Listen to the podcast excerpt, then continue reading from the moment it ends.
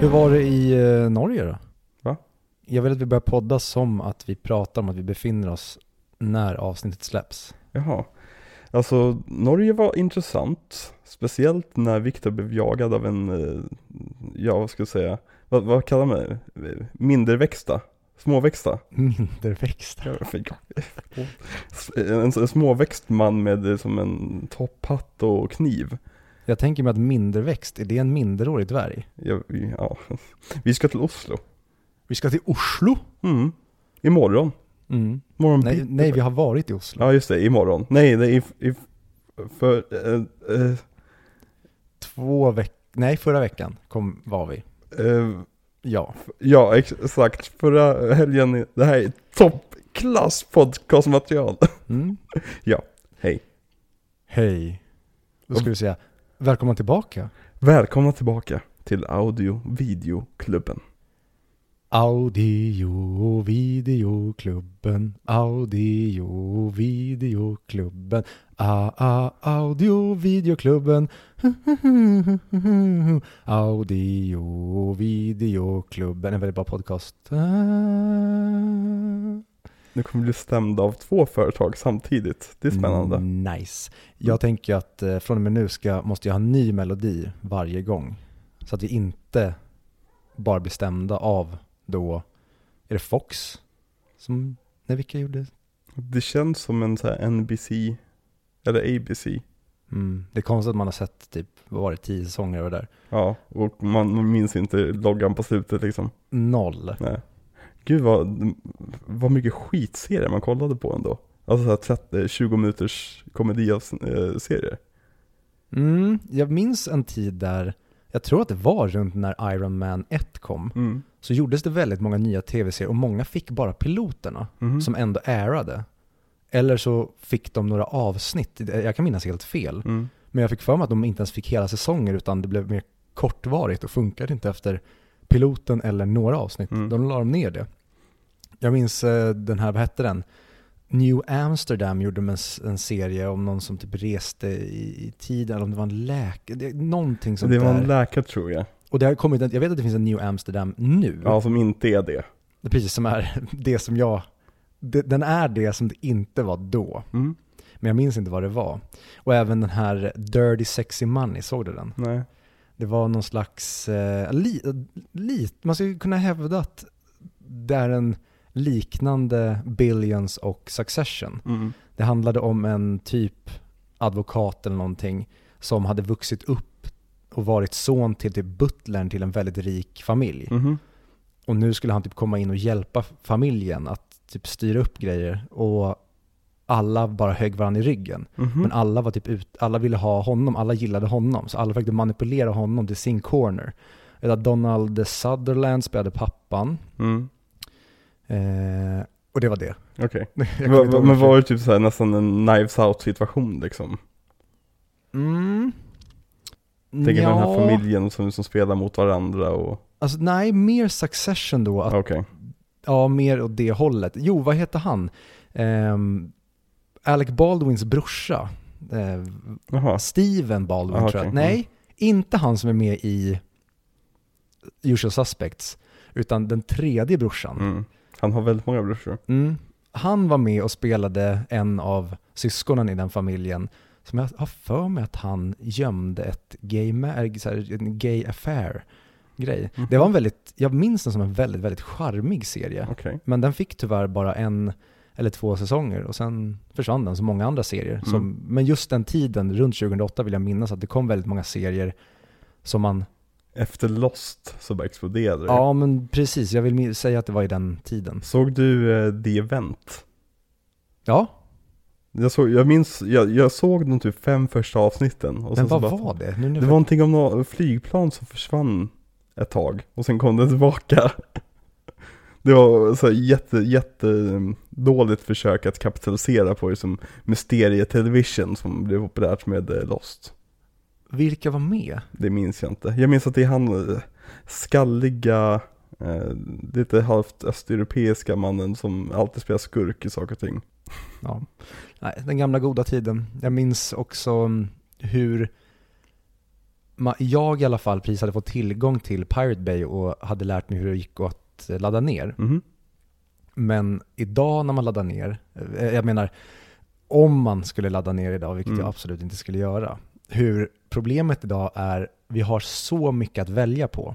Mhm. Men då var det att man verkligen ville se någonting, men det tog typ ett dygn att ladda ner i värsta fall. Mhm. Så att man var väldigt tacksam för när det väl gick att ladda ner. Mm. Nu är det tvärtom, nu är man så fruktansvärt bortskämd. Så man sitter och bara scrollar och scrollar och scrollar och sen när man väl kommer fram till så här, "Ah, ja, jag kollar väl på det här då, Mm. snarare än hur det faktiskt var när man var ung, när man var supertacksam för allting som gick att se gratis. Definitivt, verkligen. Det var någonting jag tänkte säga. Säg det.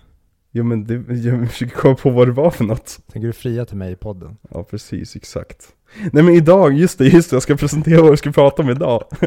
Vad pratade vi om förra veckan? nej, och, och nej, Eh, okej. Till Alex i klipprummet här. Där gör du ett bryt, och så klipper du in till det jag säger nu. Mm, nej. För om jag behöver rädda dig i varje situation där du är dåligt förberedd så kommer jag behöva sitta resten av dagen. Eh, jag hoppas att vi har lite lyssnare kvar efter våran harang om Top Gun eh, Maverick i, på Patreon-feeden förr, förra veckan då. Det är bara Patreon som har tillgång till den, så att som tur är, Ja, jag, jag, majoriteten av lyssnarna har ju inte faktiskt fått den informationen, men eh, vi Ja. satte båda 5 av 5 på den, vi älskade den, precis som resten av världen. Vi hade ingen kritik, eh, vi tyckte att gamla Top Gun var mycket, mycket sämre. Eller, det, det, ja, det tyckte vi båda. Nej, jag, jag gillade väldigt mycket gamla Top Gun, men inte den nya. Så, Mm, ja. nu har jag alienerat resten. Precis, exakt. Nej men om ni vill eh, ta del av våra lite mer eh, eh, lössläppta, vad jag säga, men eh, lite mer eh, ja, ofiltrerade åsikter om, om väldigt populära filmer som till exempel nya Top Gun-filmen så kan ni alltid bli Patreon så finns det en hel drös av extra material där. Eh, men eh, det var min mobil som fjärtade som. Ja jäklar vad den, var det den? På bordet där borta. Det blev som surround, det kändes som att vibrationen var i mig. Ja. Det var en eh, dildo from afar. Oh my gosh. En fjärrstyrd dildo. Eh, Vi är i framtiden. det är framtiden. Mm. Jag har en sån liggandes i min eh, byrålåda. Mm. Gud, jag avundas kvinnorna som faktiskt kan ha en dildo i sin bil. Jag kan ju såklart också ha en dildo i min Ja, byrålåda. Det är inte samma Men- grej kanske. Men jag brukar bara vika bak... Nej. Eh, vi ska prata om Iron Man 2 idag. Ja, vi ska prata om Iron Man 2, den tredje filmen i MCU.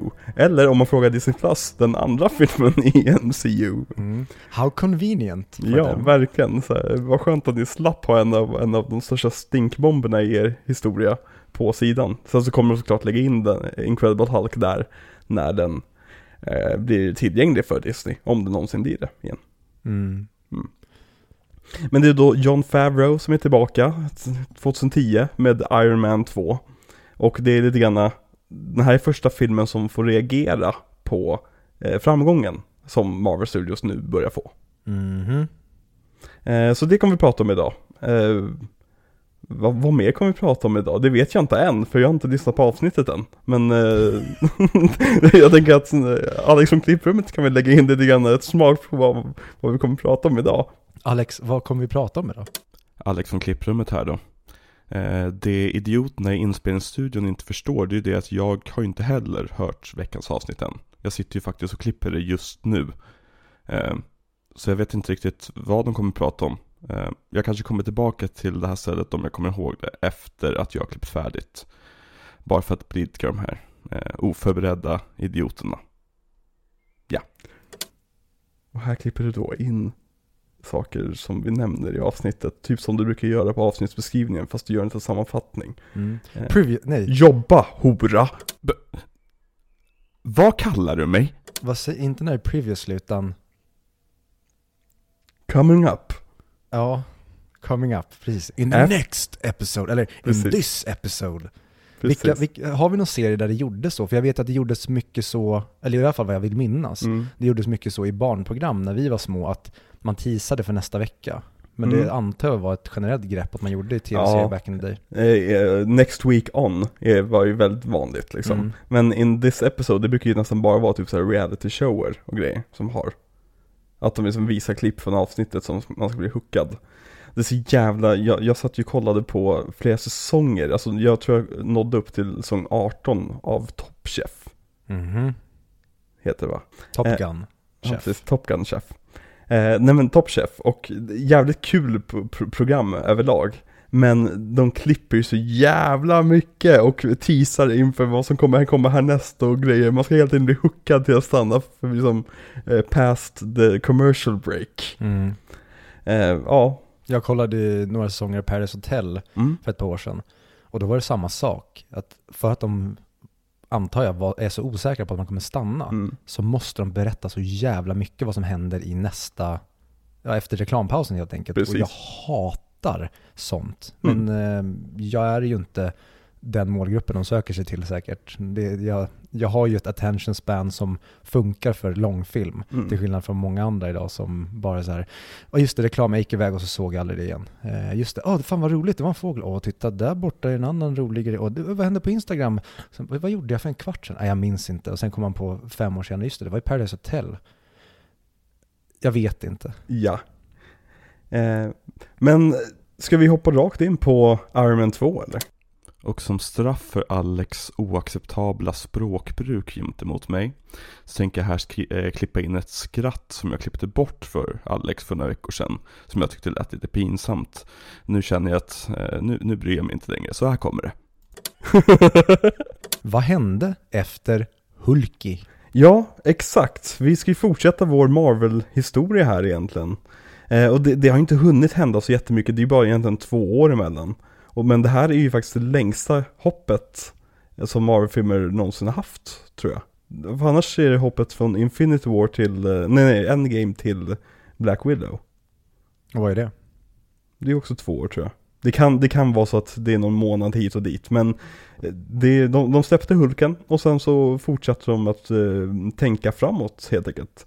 Så Mm. de hade ju sina framgångar där, eh, 2008, med Iron Man och eh, Eh, Iron Man ja. Eh, eh, men på grund av de här framgångarna så börjar börjar det rulla på för Marvel Studios. Och de lyckas till exempel sluta ett avtal med, eh, vad heter de där, Paramount. Att de skulle då distribuera fem av deras kommande filmer. Och Marvel försökte sig även på att knäcka lite grann vad de skulle göra med sina mindre karaktärer. De här som kanske inte passar för att göra gigantiska stora filmer om. Eh, och det resulterade i alla de här spretiga tv-serieprojekten som de har skapat. Alltså inte bara Netflix-serierna, utan det finns ju som typ fem stycken andra Marvel-serier utspridda på olika liksom, plattformar och grejer som är egentligen officiella Marvel-serier. Mm, vilka då? Eh, Agents, Agents of Shield till exempel. Eh, vi har Runaways som var en serie, Cloak and Dagger. Eh, Kommer du ihåg vilken stor uppståndelse det blev när de skulle spela in en scen för, ja, i Stockholms tunnelbana. Ja, och även på trappan var det väl på plattan, vill Mm. jag minnas. Att de skulle stå i några masker va? Ja men precis, kostym och masker. Mm. Ja. Var det Guy Fawkes masker? Nej. Nu skulle ju vara liksom evocative av det, men det är ju inte Guy Fox masker. Nej. Ah, okej. Jag tror det kan bara ha varit att de hade typ vita masker. Det var vita människor som stod där. Ja. Men eh, det som hände också mellan, den, eh, mellan 2008 och den här filmen släpp, det är ju det att Marvel blev uppköpta av Disney 2009. Dun, dun, dun. Mitt under produktionen av den här filmen. Och jag tror att många av de sakerna som är konstigt med produktionen i den här filmen har mycket att göra med att kanske blidka Disney. Eh, Men det kommer komma, komma in på. Ja, för eh, Guy Fawkes tänkte jag säga. John Favreau har ju sagt det, att anledningen till varför han inte gick och gjorde trean sen, det var ju för att här la sig studion i alldeles, alldeles för mycket. Ja. Och det märks ju så det bara sjunger om det i den här filmen. Precis. För Marvel annonserade praktiskt taget direkt efter första Iron Man att de skulle göra en uppföljare. Eh, och Farrow signade på igen efter mycket om och men med kontrakten. Och det var väldigt nära att han absolut inte skulle signa på också. För att de ville ge oss lite pengar. För här har vi ju då Ike Perlmutter som är den snålaste män- människan på jorden. Som bestämmer över Marvel Studios. Han är ju känd för att till exempel på typ så här press junkets så brukar det ju serveras rätt fin mat ibland. Till, till de som är där, alltså journalister och på eh, rapping parties brukar vara liksom, ja, fina tillställelse. Han är känd för att han köper Subway till eh, sin- sina stjärnor. Han är down with the kids. Ja, verkligen. Nej men han, han är jättesnål och ja, det är verkligen, han- han, han var nära att sabotera hela jävla Marvel-universumet på grund av sin snålhet. Men det kommer vi också komma tillbaka till. Mm? Mm. Men efter att Favreau hade signat på så signade också Justin Theroux på som manusförfattare efter att ha samarbetat med Robert Downey Jr på Tropic Thunder. Som för övrigt är en briljant film. Ja, men märkligt om man landar det här gigget på grund av det gigget. Ja men han, de, de kunde samarbeta bra, Eh, de kom bra överens, de gillade varandra. Så det var Robert, Robert Downey Jr som använde sin clout för att få in honom. Att, ja men han är min kompis, vi tar med honom som manusförfattare. Och det är så spännande, som Justin Theroux, som Mm. nu, nu för tiden i alla fall, mer känd som en skådespelare. Ja. Eller som Jennifer Anistons man. Ja, det med. Ja. De, är- de är skilda idag. Ja, det har han väl, jag har för mig. Så nu eh, är han inte känd längre. Nej, han är helt okänd. Mm. Vem, vem är det förresten? Kommer, ja, vi, vi Men du har ju sett Leftover, så du, du är ju mer bekant med Justin Theroux. Mm. Och där är han ju fullkomligt briljant. Mhm. Och jag tycker synd att han inte har fått någon filmroll av samma kaliber. Det kanske han har, någon kanske kan skriva in. Han hade en jättestor roll i Last Jedi. Just det, han eh, var ju den enormt centrala figuren. Eh, The någon slags... Codebreaker. Ja, just det, han är original Ja, Codebreaker. precis. Det är så jävla märklig plotline. Han är väl praktiskt taget typ en bara statist som Ja. filmar vid typ ett tillfälle. Jag vet. I know. Han har en röd blomma på sig. Ja, den ja. Ja. Viktig för storyn. Den, Mm. Och nu ska vi inte diskutera Last Jedi här. Nej. Nu lägger vi på det locket igen. Star Wars-locket går på. Ja. Men eh, filmen var först tänkt att handla om eh, Tonys alkoholism. För att i serietidningarna, det enda egentligen stora Iron Man, liksom arken som finns i serietidningarna, det är just eh, en storyline som heter Demon in the Bottle. Där som handskas väldigt mycket just med Tony Starks alkoholism. Men den idén dropp, alltså det finns jättemånga intervjuer när de pratar om den idén, att ha, att, att adaptera Demon in the Bottle. Men helt plötsligt bara slutade de prata om den idén under produktionen. Och eh, bara droppade det. Och jag misstänker att det var för att Disney skulle ju, de höll ju på att få till dealen med Disney. Och Disney sa säkert att vi tänker inte köpa er om er hjälte är alkoholist. Eh, Så det var säkert därför det skrevs bort. Vilket, de skrev säkert om den storylinen till det här med eh, förgiftningen och eh, blodtester och dricka växtjuice och grejer. Gud vad bra det blev. Ja, det är ju ett av filmens absolut stora problem i hur ofokuserad den är. Mm, tyvärr. Tyvärr. Ehm, Men vi, vi kommer, vi kommer, efter, vi måste prata om själva produktionen på filmen innan vi kan prata om hur filmen faktiskt blev till slut. Kör hårt. För filmen, vi kan, vi kan spoiler alert, men ingen av oss tycker särskilt mycket om den här filmen. Speciellt inte i den första, ska jag säga, timmen av filmen. I guess. Nej, eller mitt största problem kan jag säga redan nu, det är att man gör om Tonys resa i den här filmen. Ja. Det blir så repetitivt så att man somnar. Att han, han ska ju ha lärt sig, Mm. men så får vi gå igenom den här transformationen igen. Ja. Det är så indikativt på ett manus som inte fanns riktigt på plats liksom. Att de var osäkra på vad de ville göra. Och kände någonstans att, ja men det gick ju så bra med improvisationen förra gången. Så då kan vi bara skita i att skriva ett manus den här gången. Mm. Och då blir det så här, jo men förra gången det som gjorde, gjorde det så bra, alltså nu när vi ändå, ändå pratar, pratar manus.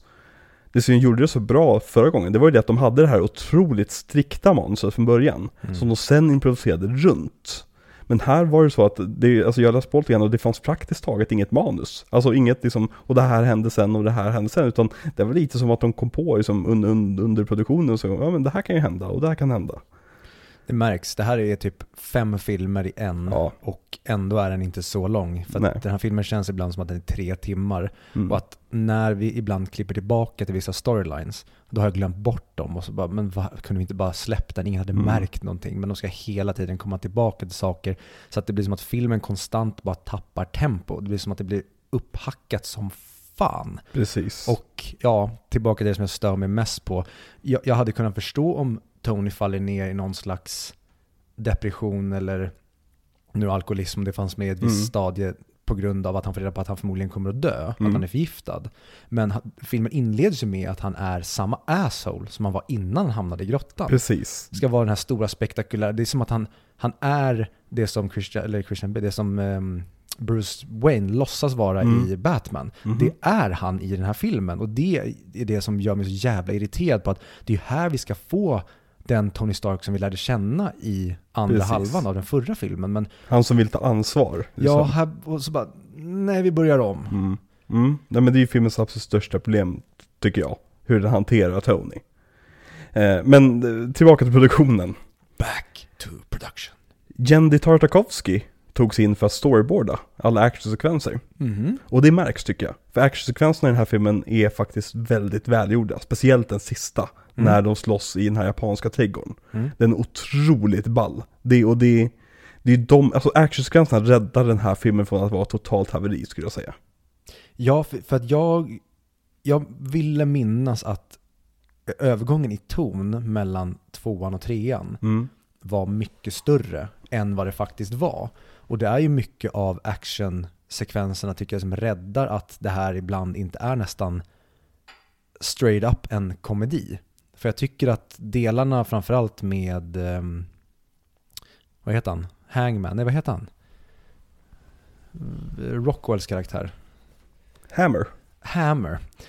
De blir ibland snudd på parodiska. Mm. Och där kan vi prata lite om, jag minns inte om, jo det var ju Hulken-avsnittet, det här med att låta skådisar flyga fritt. Att Mhm. Rockwell han får flyga lite väl fritt, så att Mm. det blir nästan som att han inte tar det här på allvar till slut. Mm. Det känns som att han inte vet var han är eller vad han ska göra. Precis, så ska han dela scen med Mickey Rourke som tar på det här på alldeles för stort allvar. Åh, herregud.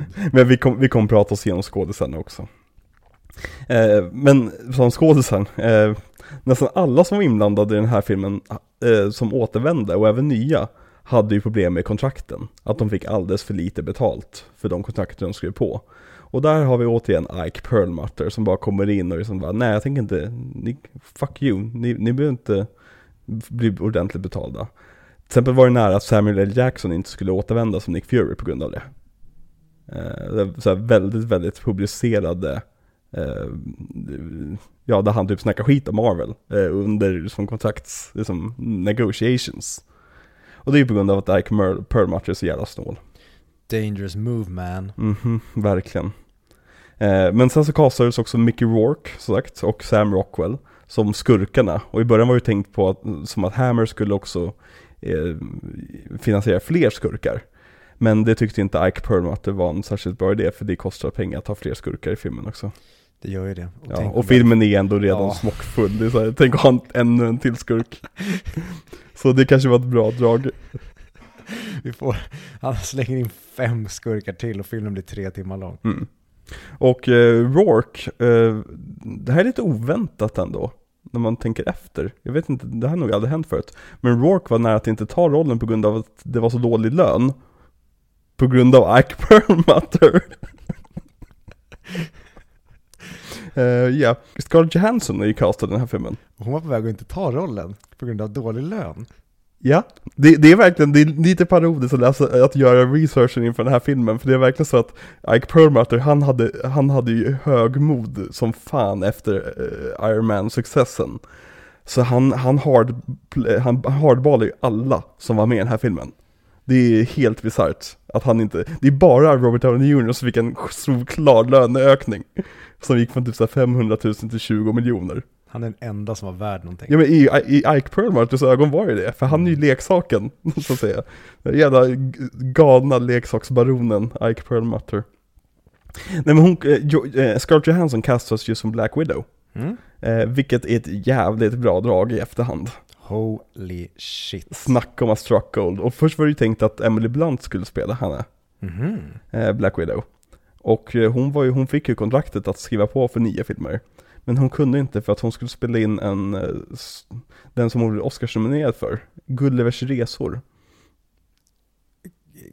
Que pasa? Nej, hon blev inte Oscarsnominerad. Det är en ökänt dålig film med det Jack, Jack Black. Black? Åh Ja. herregud. CGI i den är makalös. Och han är väl Jack Blackig som Mhm. aldrig förr. Den är ju modern. Det, det, det är ju egentligen ett resultat av en väldigt lång process av att göra en göra liksom filmer där Jack Black är liksom fish out of water. Först var det tänkt, i början på 2000-talet var det tänkt att han skulle spela Green Lantern, Eh, va? Jack Black. Och han skulle vara Jack Black-ig liksom. Eh, Flubbadoo! exakt, ja men verkligen, och liksom resten skulle vara superseriöst. Men han skulle vara sitt skojiga jag. Och sista fighten i den filmen skulle vara att han slåss mot Sinestro, alltså eh, Black, Black, nej, Black Lantern, Green Lanterns liksom, stora skurk. Och han kan bara inte besegra Sinestro för han är för svag liksom. Då kom han på att, men vem är den starkaste, starkaste superhjälten? Ja men det är Superman. Och min ring kan ju göra vad som helst. Så han skapar Superman och låter Superman slåss mot Sinestro istället. Men så sitter och typ så här äter jord, eh, jordgubbar och frukt och grejer. Den vill jag ändå se. Ja men så här, man känner såhär, nu i efterhand, hade den kommit så hade man ju hatat den. Mm. Men man hade ju älskat den nu, lite grann som man älskar Batman och Robin. Där kanske vi har ett nytt koncept vi skulle kunna introducera och pitcha för någon filmstudio. Mm. Att man annonserar att en film ska komma Mhm. och så kanske visar man trailers av vad det ska bli, som då den här Green Lantern-varianten. Mhm. Och alla hatar den. Sen släpper man aldrig. Så släpper man den tio år senare. Ja. När folk, så du och jag får Fan den idag. smart ändå. Det hade varit så jävla roligt att få sådana filmer som, ja tänk om, tänk om de hade faktiskt producerat, eh, de typ, ehm, Superman med Nicolas Cage. Ja, eller Justice League av, eh, vad heter Mad George Max? Miller. Ja, precis. Mhm. Att, ja, de kom aldrig, Visst, men de finns. visste du att Leonardo DiCaprio var second att bli eh, castad som Robin i eh, Batman Forever? Oj. Ja. Dodge that bullet man. Vet, vet du vad som fick eh, eh, Chris O'Donnell att få rollen? Han kanske tog i mer. Nej, det stod mellan honom och Leonardo DiCaprio. Vilket är också så här, en kul sak som bara hände, kan bara ha hänt exakt det året. När är det här, liksom. 98? Nej, 95 tror jag, 94 kanske. Ja, okej. Och Ehm, Gilbert Grape kom 94? ja men det här är precis efter, strax efter. Ja, okej. Så han skulle vara efterbliven Robin Ja, om precis. Leonardo Nej men, ehm, så det stod mellan eh, Leonardo DiCaprio och Chris O'Donnell. Och det de gjorde helt enkelt var att de skrev ut två bilder på de två skådespelarna. Och gick ut i gränden bakom studion och frågade random folk, vem av de här tror du kommer kunna spöa upp dig? För de ville att Robin skulle vara tuff. Och det är klart man väljer Chris O'Donnell, för att han ser ju bra mycket mer som bad boyig ut än eh, Leonardo DiCaprio. Vem så av de här två rollen. har störst vårtgårdar? Han. Perfekt, då gör vi direkt en. Schumacher, det hade varit en kul miniserie. Faktiskt. Eller Han bara Han är Batman. galen i huvudet. Ja, vi kommer prata om en annan regissör som är galen i huvudet alldeles strax. Ja. Efter vi är färdiga med Marvel. Men nog om det.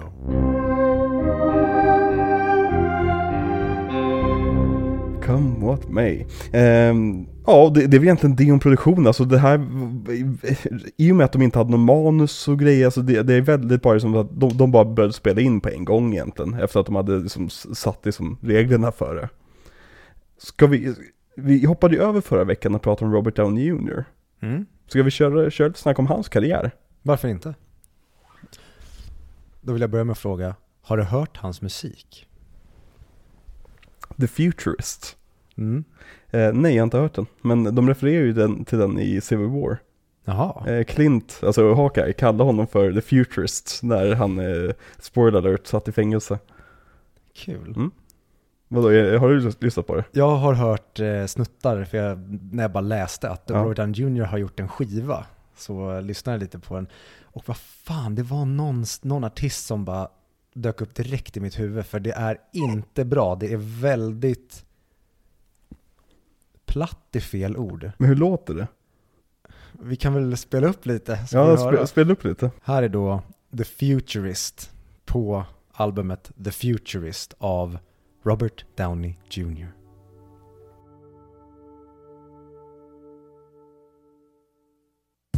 You have body, you give so warm. You're so survivor, it's so, it's so clear. A lot long gone, songs of old,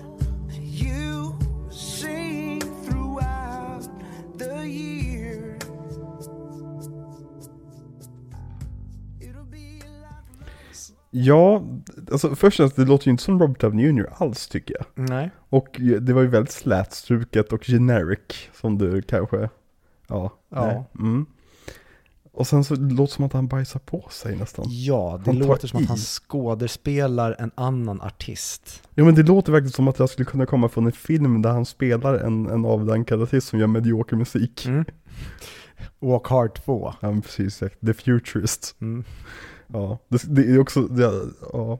Det hade ju på riktigt, det låter som en bra pitch. Robert Downey Jr. spelar en modern musiklegend Mm. som sen tappade det och blev medioker. Han och Bruce Willis. Bruce Willis har gjort egen musik också ju. Under, under namnet Bruno. Why not?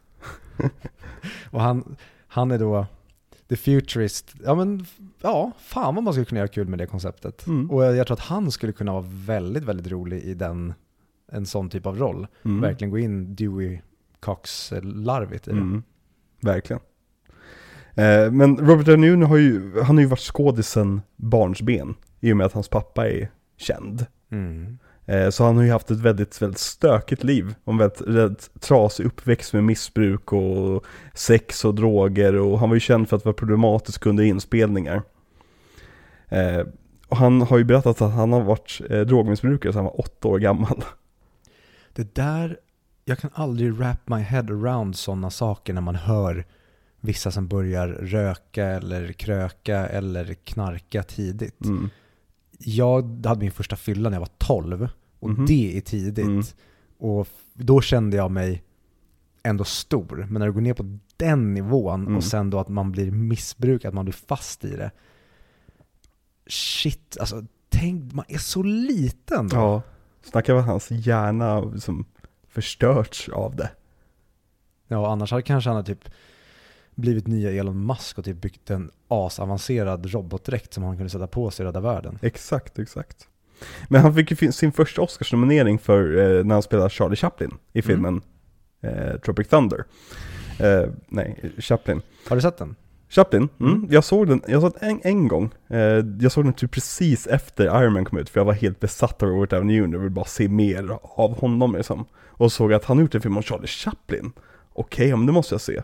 Och jag minns typ ingenting från den egentligen, eh, så jag kan inte riktigt uttala mig. Eh, men den blev väl rätt hyllad här för mig. Och han blev hyllad uppenbarligen, eftersom han Mm. fick en Oscars, Oscarsnominering. Verkligen. Mm. Eh, Men han gick ju ner sig totalt i knarket. Och han eh, förlorade jättemånga jobb på grund av heroinet. För det mesta. Och han satt ju i fängelse först i ett år för en rad olika brott. Och när han kom ut så hade ju då hans karriär gått lite i stå. Eh, Så han fick ju ta en tv-roll på Ally McBeal. Och att ha en tv-roll på den här tiden, det är ju verkligen att skriva under sin egen dödsdom som skådespelare. Mhm. Och säga liksom att okej, jag ger upp alla filmroller någonsin. Mm. För då, då har du gått över till den dåliga sidan. Du, du, som, du går antingen från tv till film eller från film till tv. Du hoppar inte fram och tillbaka. Mm. De Som- gör i Entourage när eh, Vincent Chase karriär är lite i någon slags limbo.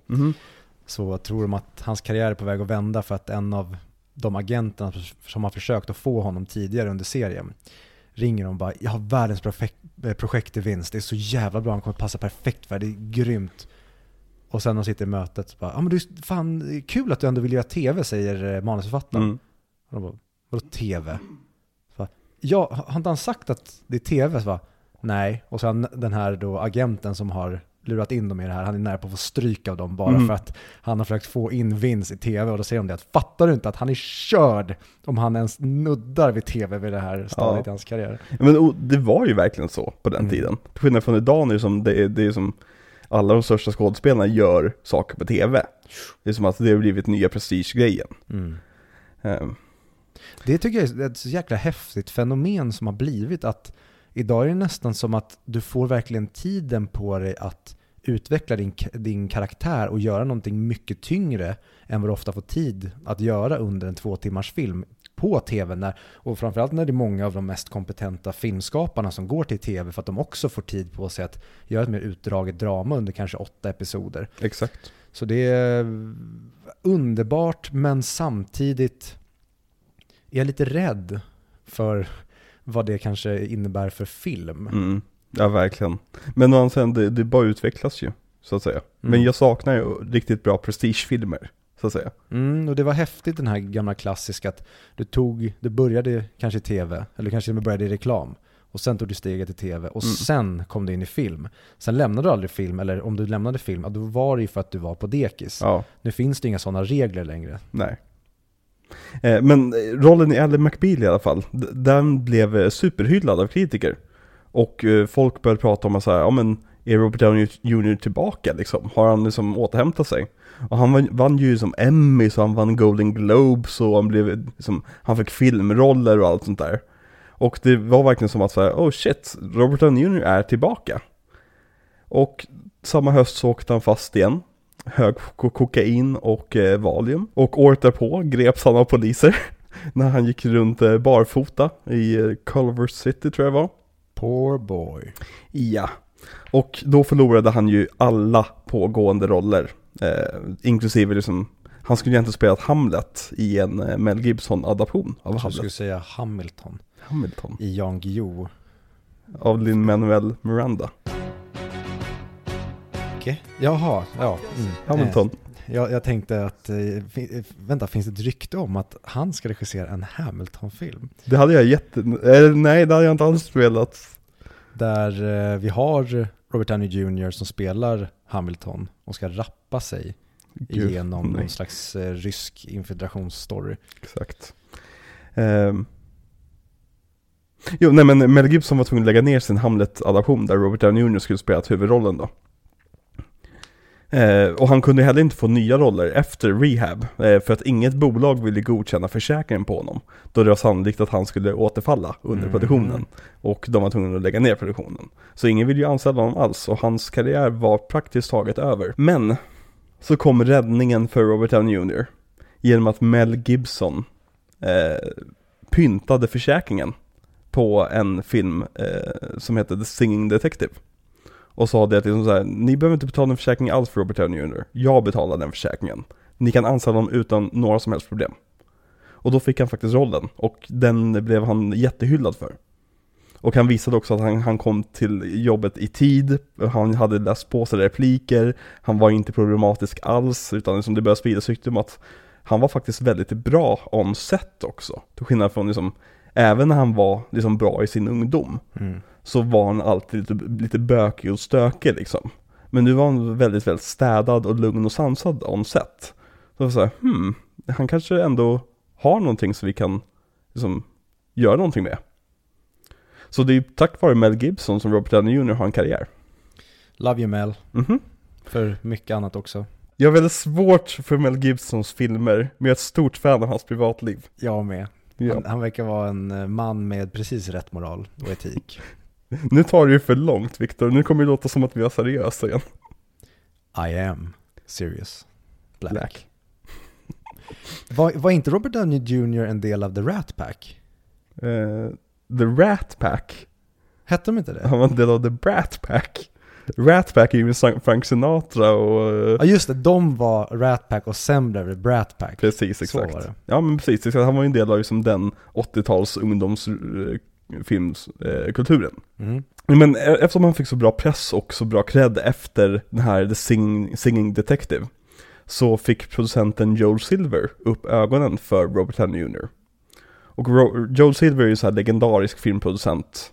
Eh, Så han anställde ju eh, Robert, Robert till filmen Gothica med eh, Halle Berry i huvudrollen. Jag tror jag skulle säga Gotti. Minns du, minns du Gothica? Jag minns Gottiga som att den kom ut precis i en tid där det var populärt i vår generation att hyra film. Mm. Och att postern såg väldigt skräckinjagande ut. Den kom ju i The Ring-tider. Eller hur? Mm. Men jag vill minnas att jag såg den och att den var ganska bedrövlig. Vi såg väl den hemma hos min farsa? Gjorde vi? Jag för mig det, för jag har sett den en gång och jag har inget minne av den. Same här. Ja, Ja men då så. ja Vad, gjorde, vad gjorde vi den kvällen? Vi blev drogade av min pappa. Nej. Eh, men eh, när han blev anställd till den här filmen så höll ju också Joel Silver på 40% av lönen till efter att filmen var färdiginspelad också. Rimligt. Ja, som en slags försäkring om att det faktiskt kommer att gå bra. och eh, den på nytt Robert Downey Jr. fick snabbt tillbaka sitt rykte eh, som en av Hollywoods absolut bästa skådespelare. Och han fick roller i till exempel Shane Blacks Kiss Kiss Bang Bang, där han blev jättehyllad. Mm. Han gjorde ett, ett inhopp på Family Guy, som The Fat Guy Strangler, som är då Lois brorsa. Just det. Den som minns det, det är väldigt länge sedan. Mm. Men det är det är Robert Downey Jr. som gör rösten till honom. Mhm. Eh, och han är också med i Zodiac. Just det. Vad är det, 2009? Nej, eh, 2007. Ja, ah, okej. Jag fick hem min, jag, jag köpte lite Blu-rays. Mhm. Fick jag hem Directors Cut av Zodiac. Omslaget ser ut som ett brev som Zodiac har skickat. Nice. Ja, det är asnice. Jag fick hem Cats också. Nice. Ja, så nu, nu kan jag veta vad Angelical Cat är när jag vill. Mm. Så nu vill jag att du berättar vad det är. Ja, Angelical Cat, det är, det är en katt som har tre namn. Och det ena är ett namn som människan ger. Och det andra är ett namn som katten väljer själv och som alla ens kattvänner vet. Men det tredje namnet, det är ett namn som bara katten känner till. Vi går vidare. Are you blind when you're born? Can you see in the dark? Nej. Mm, Efter en stund. Kan inte du den här låten, Viktor? Ja, jag var någon annanstans när vi såg den. Ja. Men underbar film. Jag älskar Cats. Det är, det är, det är en bizarr film. Jag älskar musikalen, eh, men det är en nonsensmusikal, men musiken är jättehärlig. Eh, vart var jag någonstans? Jo, just det, just det. För nu kommer det hända en väldigt viktig sak i Robert Downey- Juniors Jr.'s liv. Och det är inte att han får rollen hos Marvel.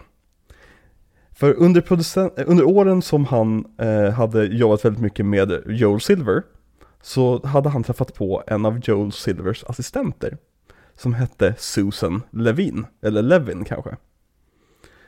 Och de här två blev väldigt, väldigt snabbt goda vänner. Och till slut blev de... Det är ett bälte för den nu.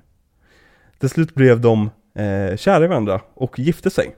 Och nu heter hon Susan Downey.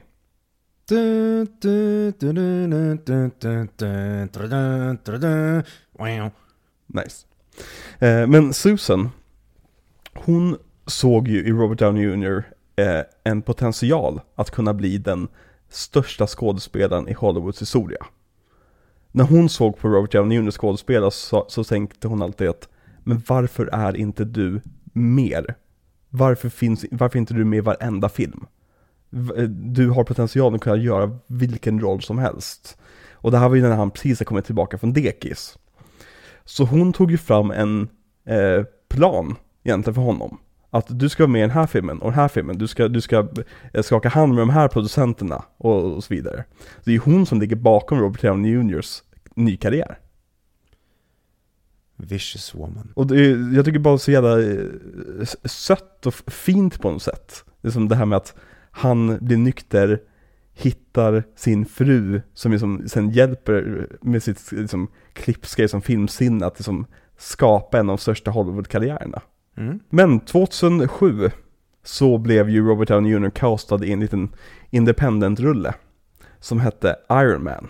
Den har jag sett. Ja, och jag skojar ju inte när jag säger independent-rulle. För att det var ju en in- independent-rulle. Mm. Så eh, ni som tyckte att det var ett roligt skämt, ni skäms. För det var det inte. Det var eh, gravallvarligt. Ta honom på allvar. Jag, jag är superallvarlig när jag säger independent. Jag skämtar inte om independent film, okej? Det gör man inte. Nej, man skämtar inte om det. Man Alltså, vi- skämtar inte om The Holocaust och man skämtar inte om independent-filmer. Exakt. Och det är med basta. Men för, i och med att han fortfarande var lite halvt på dekis, han, han var fortfarande på, upp, på uppgång, men det, han var ju fortfarande, liksom, det, hans karriär hade praktiskt taget redan hänt, såg man ju. Mm. Så han fick ju inte jättebra betalt för rollen som Iron Man. Det var ju fem, 500 000 dollar, vilket Mm. å andra sidan, det är jättebra betalt. Det är typ en svensk filmbudget. Men i Hollywood, Hollywoods mått mätt så var det verkligen ett vi håller ögonen på dig betalning liksom. Mm. Men i och med att Iron Man blev en så gigantisk succé, så, och framförallt främst på grund av Robert Downey Jr. Så ökade ju hans eh, lön i, i den här filmen, Iron Man 2, till, jag tro, tror det var 20 miljoner dollar. Ja, 2000 procent vill jag minnas att de ökade med. Ja, det är ja, jättemycket pengar. Det är mindblowingly mycket. Ja, och mellan Iron Man och eh, Iron Man 2 så har ju han också hunnit bliv, blivit Oscarsnominerad en gång till. För Tropic Thunder. Yeah! Och det är väldigt, det hade ju aldrig hänt idag om man säger så. Varken Nej. filmen eller prestationen eller Oscarsnomineringen.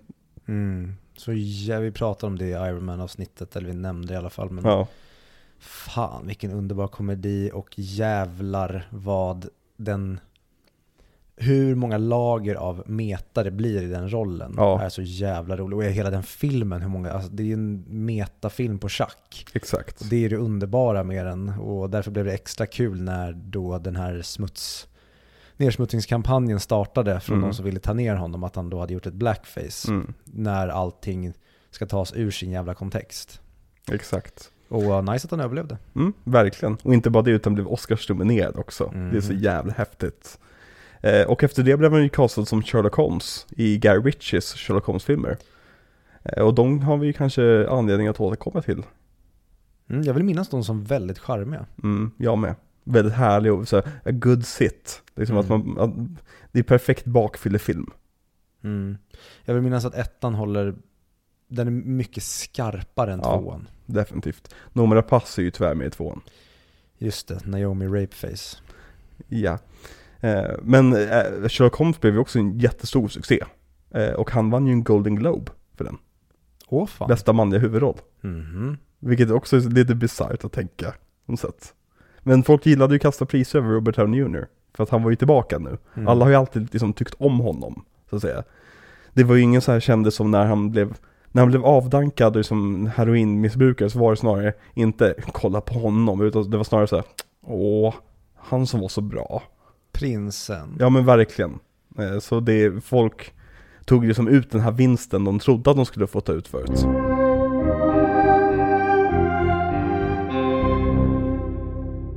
Men vad, tycker du om Robert Downey Jr. i den här filmen? Det är ju klart ett snäpp ner, Mm. men det är inte hans fel. Utan Nej. det är ju hur Tony är tyvärr. Ja men precis, hur, hur som de bestämde sig för just som vi var inne på att resetta hans progress på något sätt. Han är ju olidlig genom nästa delen av filmen. Han blir, till slut så är det bara att ta bort honom. Ja men precis, man känner ju så mycket mer Pepper när hon sitter och är irriterad på honom. Ja, men jag stör mig också så jävla mycket på att, ja okej, de kysstes inte i slutet på ettan och då blir de inte officially dem. Men när han börjar kåta sig efter Natasha så blir det så jävla smaklöst och man tappar all respekt för honom. Ja, Och jag känner inte riktigt att han får redemption för det under hela filmen, utan jag tycker att han är ett asshole rakt igenom. ja, nej men det är verkligen, det är verkligen det.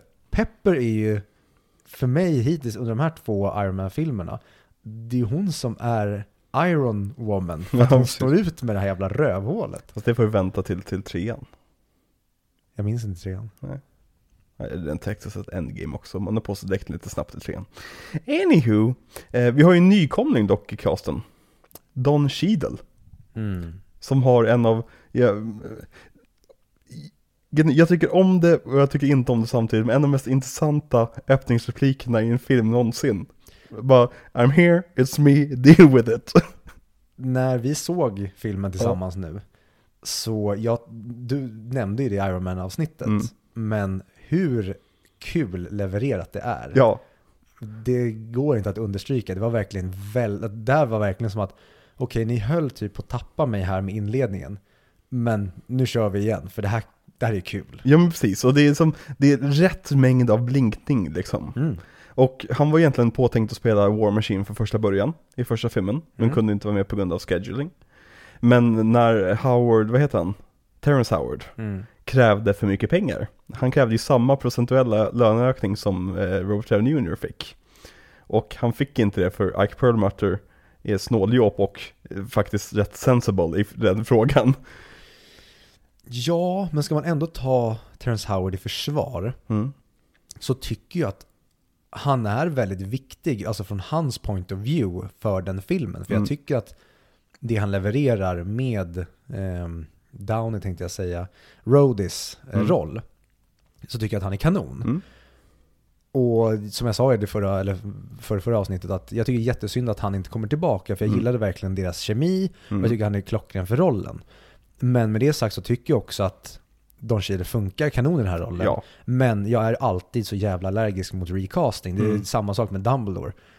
Sen blev ju Dumbledore kanon i slutändan också. Jag tycker att det här blir bra också. Men, kanonfull. ja. Det var han ju också. Mm. Ja. Men eh, Ike Perlmutter ska i alla fall också ha sagt att men det spelar ingen roll om vi kastar om, om honom. Alla svarta ser ju likadana ut. Bam! Han, han, han slängde ut den stora dicken och sa Jag kan säga vad jag vill. Ja men den mannen, alltså det, det är så bisarrt. Åh gud.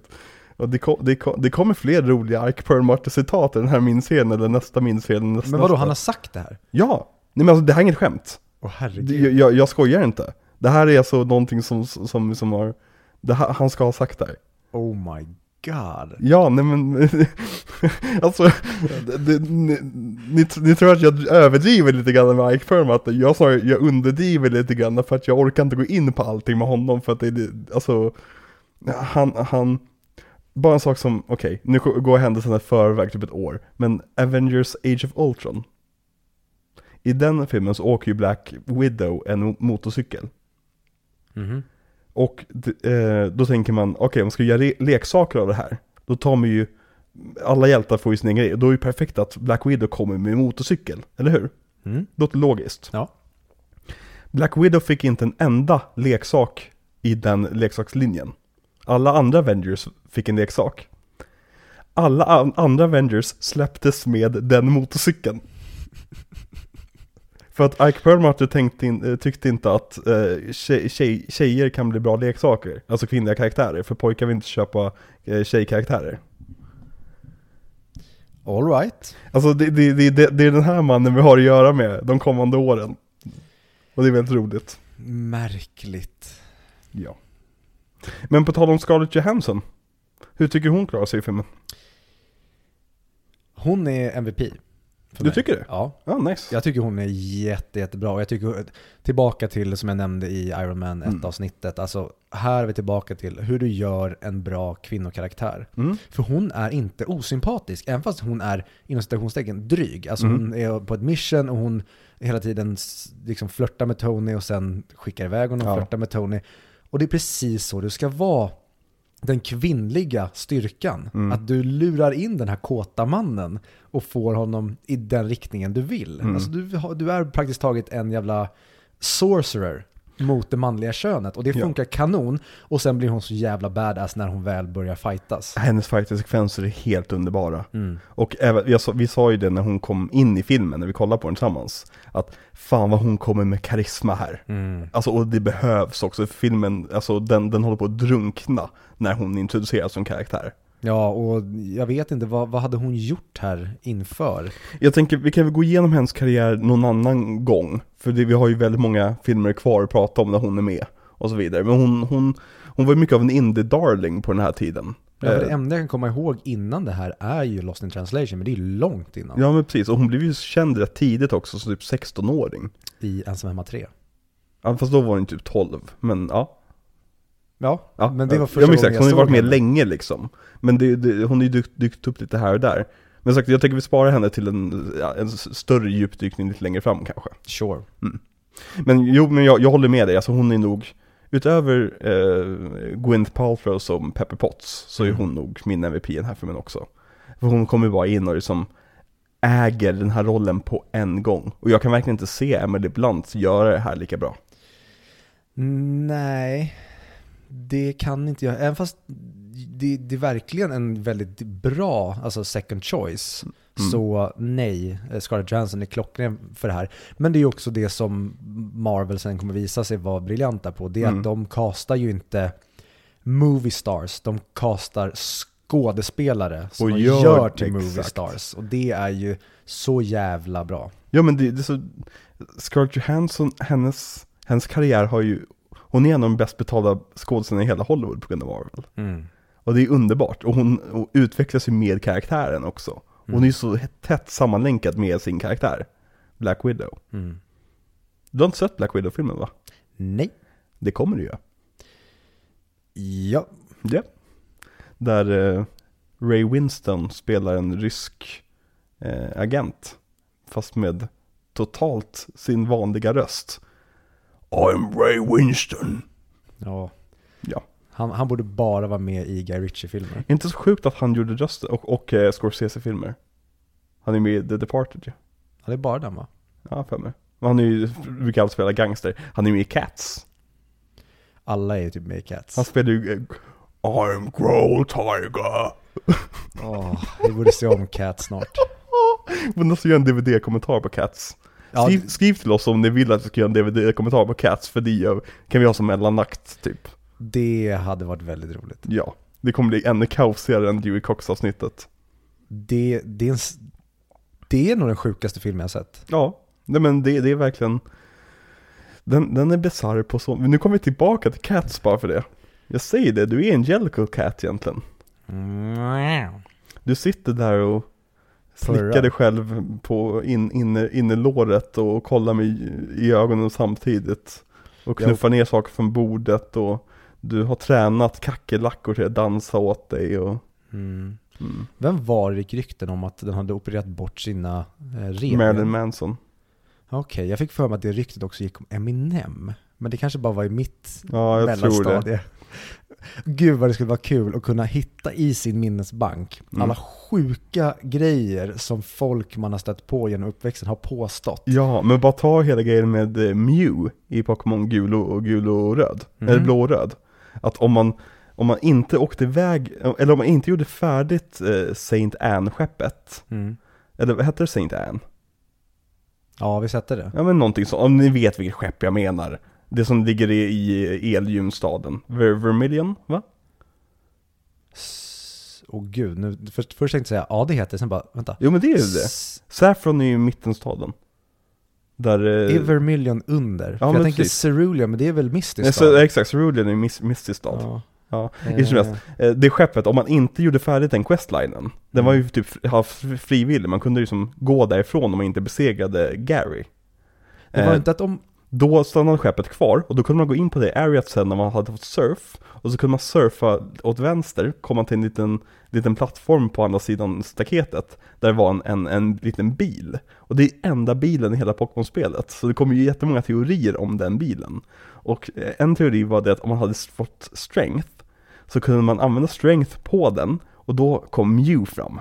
Det var enda sättet man kunde fånga Mew på utan att vara med på de här eventen där man fick Mew och jag vill minnas att i, om det var typ gul eller i de här leaf green alltså de som kom senare, Mm.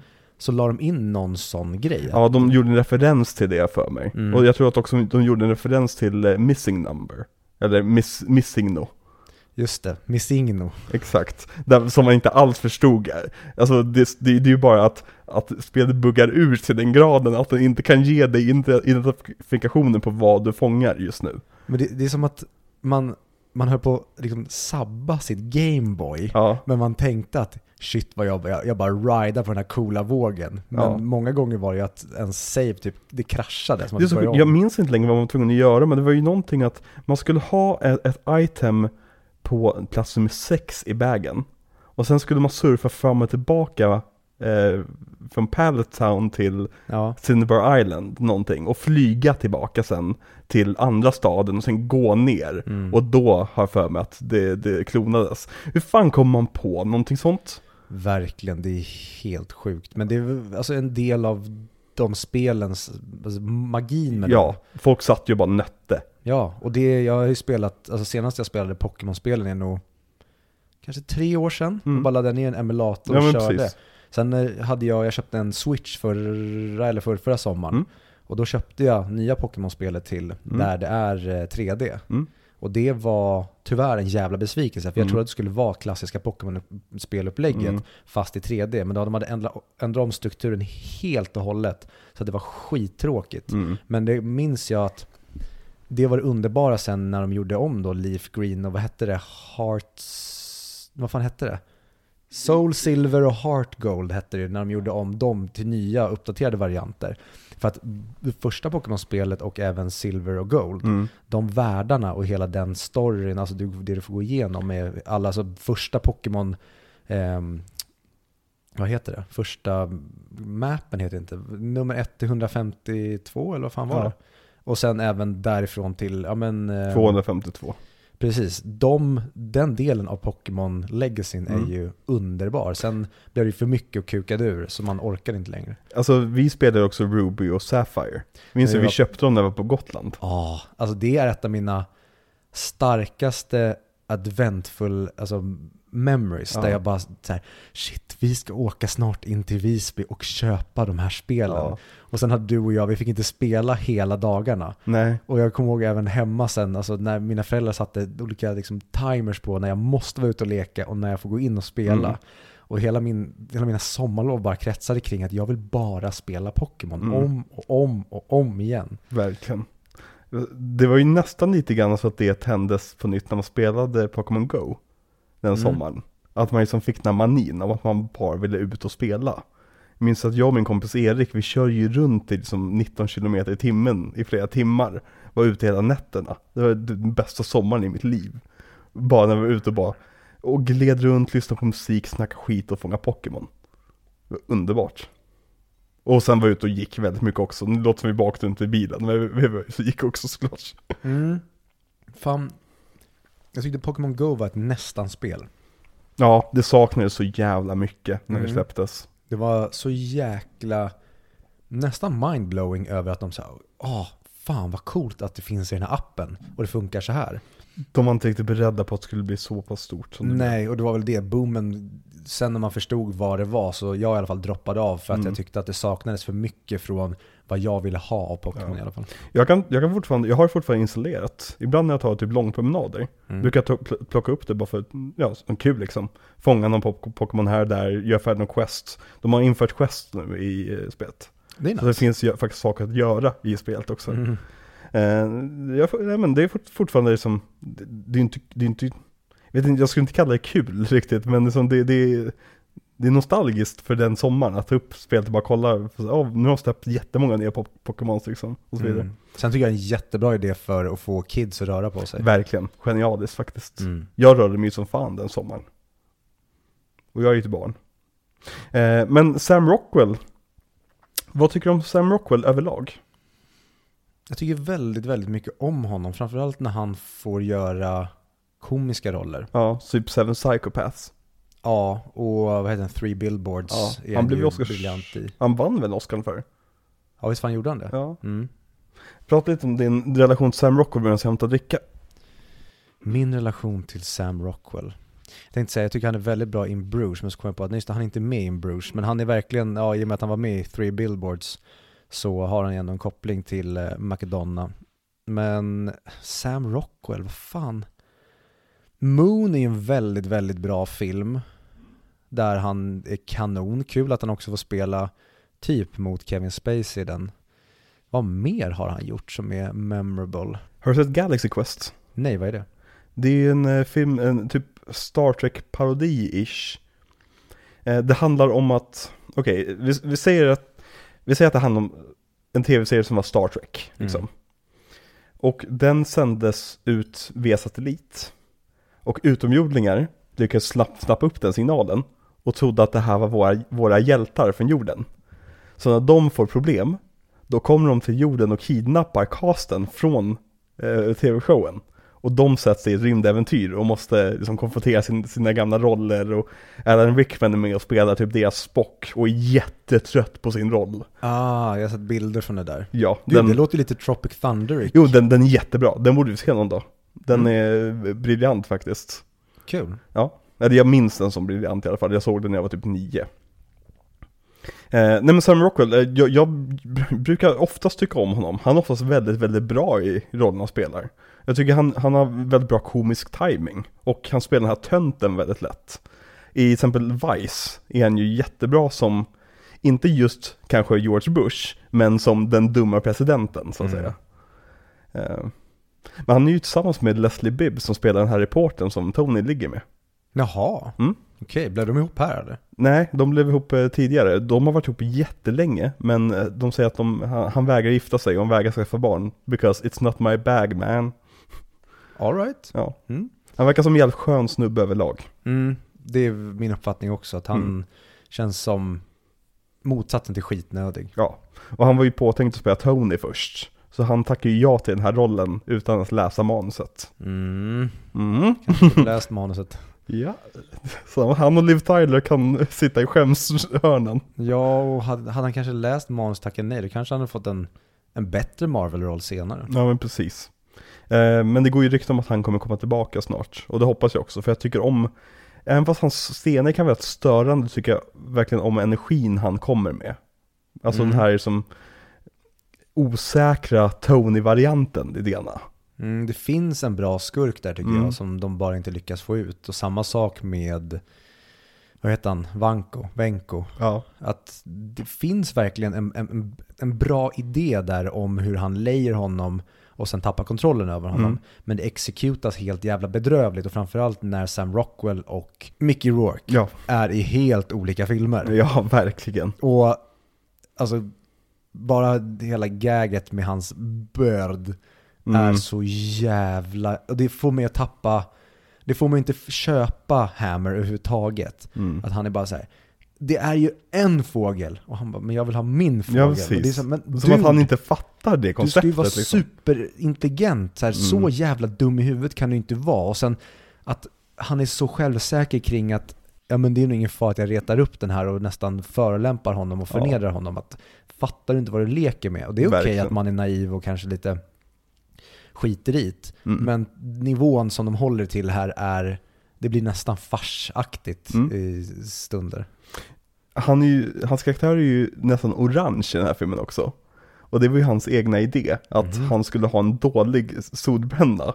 Att han liksom, han är ju rik nog för att åka till så här, eh, tanning, eh, tanning booth liksom.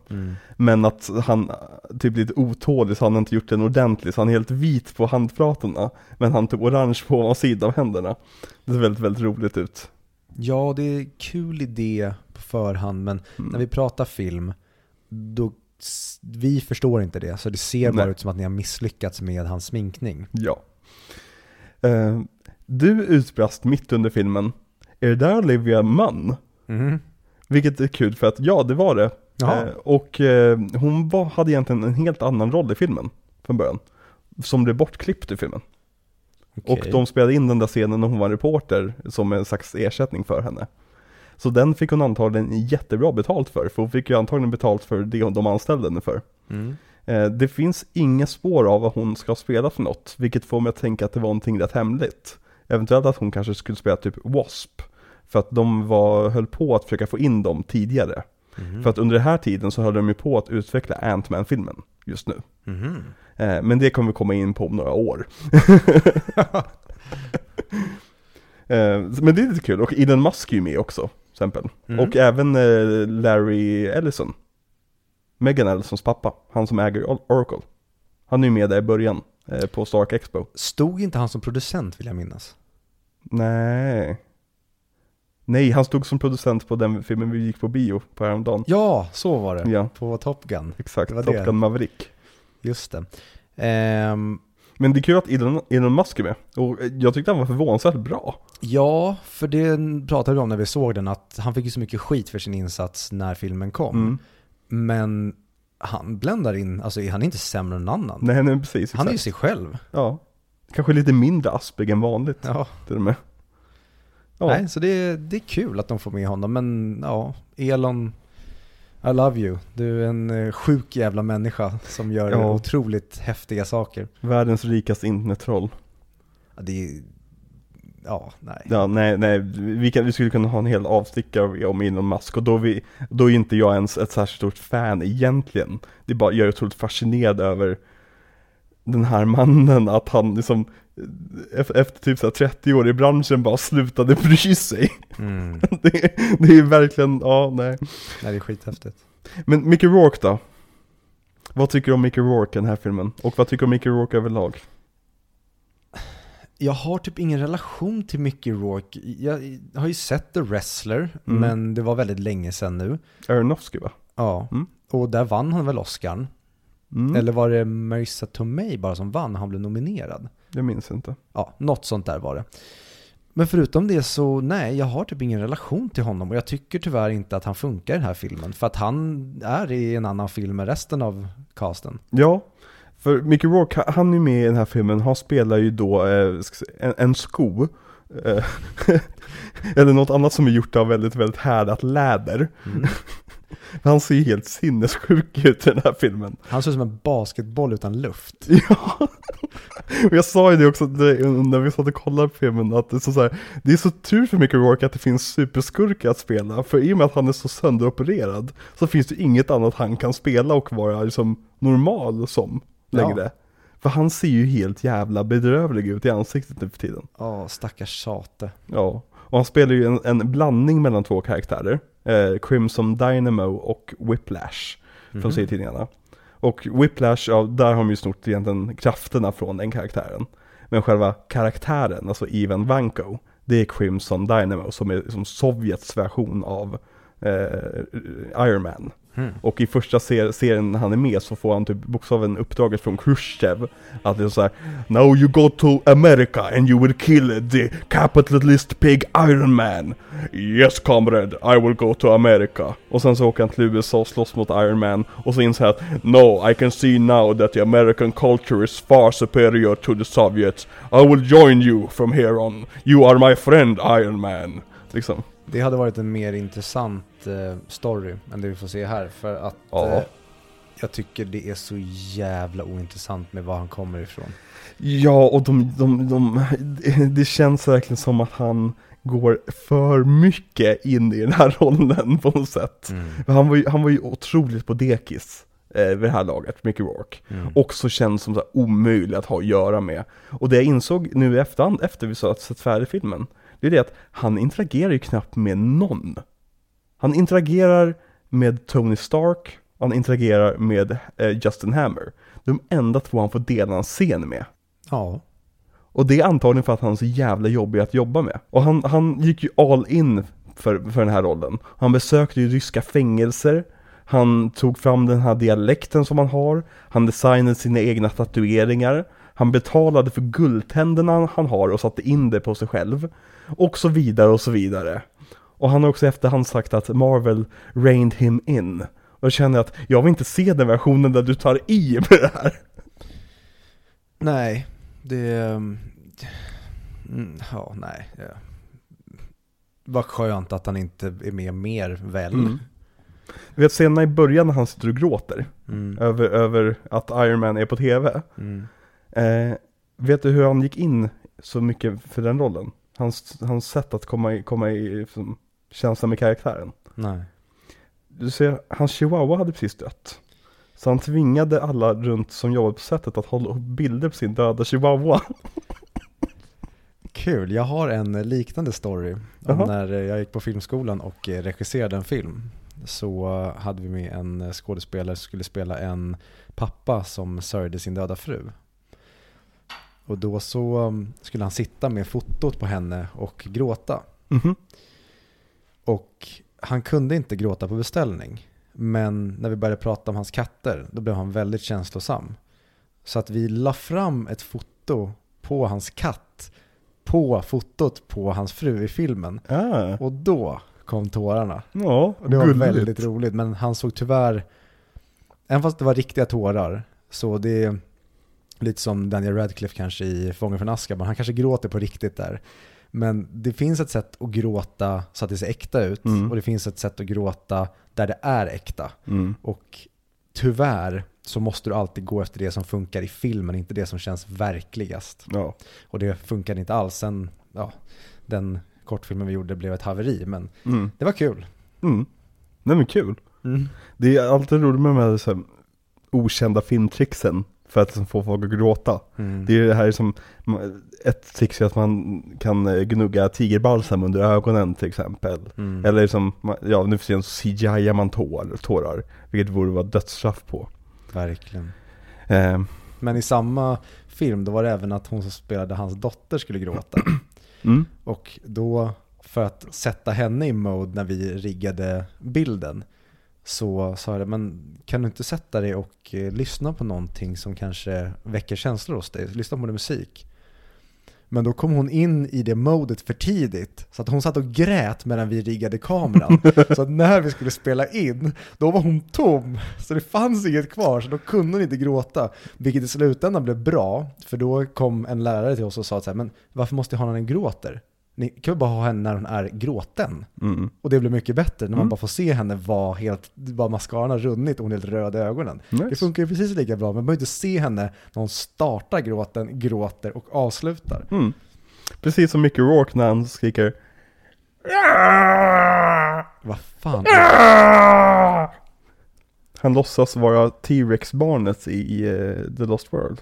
Ja, för han, är, han motion capture den väl? Ja, motion capture, den, han- du, du ser ju, det är han. Ja just det, i samma hud. Ja precis, exakt så. Ungefär samma kvalitet på huden ja.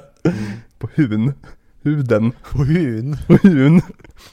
Det här är för en rolig scen, den här scenen tycker jag om. När Mickey Rourkes karaktär då blir tagen till eh, hangaren där han ska äta middag med eh, Justin Hammer. Ja, och vad jag läste så är det här inspelat på SpaceX. Jaha! Ja, eller så är det att om det är någon annan scen med en liknande miljö, Mm. då ska man tydligen kunna se SpaceX employees gå i bakgrunden. De fick spela in där på kvällen. Men tydligen var det employees som var kvar och jobbade, så de sa bara att de kan gå i Ja, bakgrunden. precis. Det älskar jag i filmer när man bara, när man hyr in sig på en, på en riktig fabrik. Mm. För det känns så äkta helt plötsligt. Mm. Det är som eh, i Star Trek-filmen från 2007, har jag för mig att det är. Åtta vill jag minnas, men kan nog vara sju. Ja, eller nio kanske till och med. Kan vara nio. Ja. Eh, när de är i eh, Engine Room, det är ju inspelat hos Budweiser. Mhm. Vilket är jätteroligt för det är massa rör överallt ju. Men, eh, och folk, Trek-nördar höll på att klaga som fan på det. Men jag tycker det ser ashäftigt ut.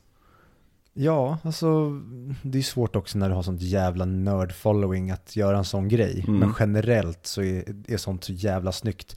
När du tar miljöer som är någonting helt annat. Mm. Istället för att rigga och bygga ett sätt som kanske ser fejkat ut och blir väldigt kulissigt. Och idag, någonting säger mig att Marvel hade CGI-at dem i den här, i den här miljön. Eh, 150 000 procent. Ja, gud. Eh, men på tal om effekter. Eh, det är en sak med den här filmen som jag har lite mer också kritik mot. Alltså effekterna är jättesnygga. Men de har helt och hållet övergett att ha fysiska dräkter i den här filmen. Nästan. Det finns vissa scener där man fortfarande har fysiska dräkter. Men för det mesta är det bara CGI-dräkter nu. Mm, och här börjar det skava för mig, framförallt i scenen i Monaco.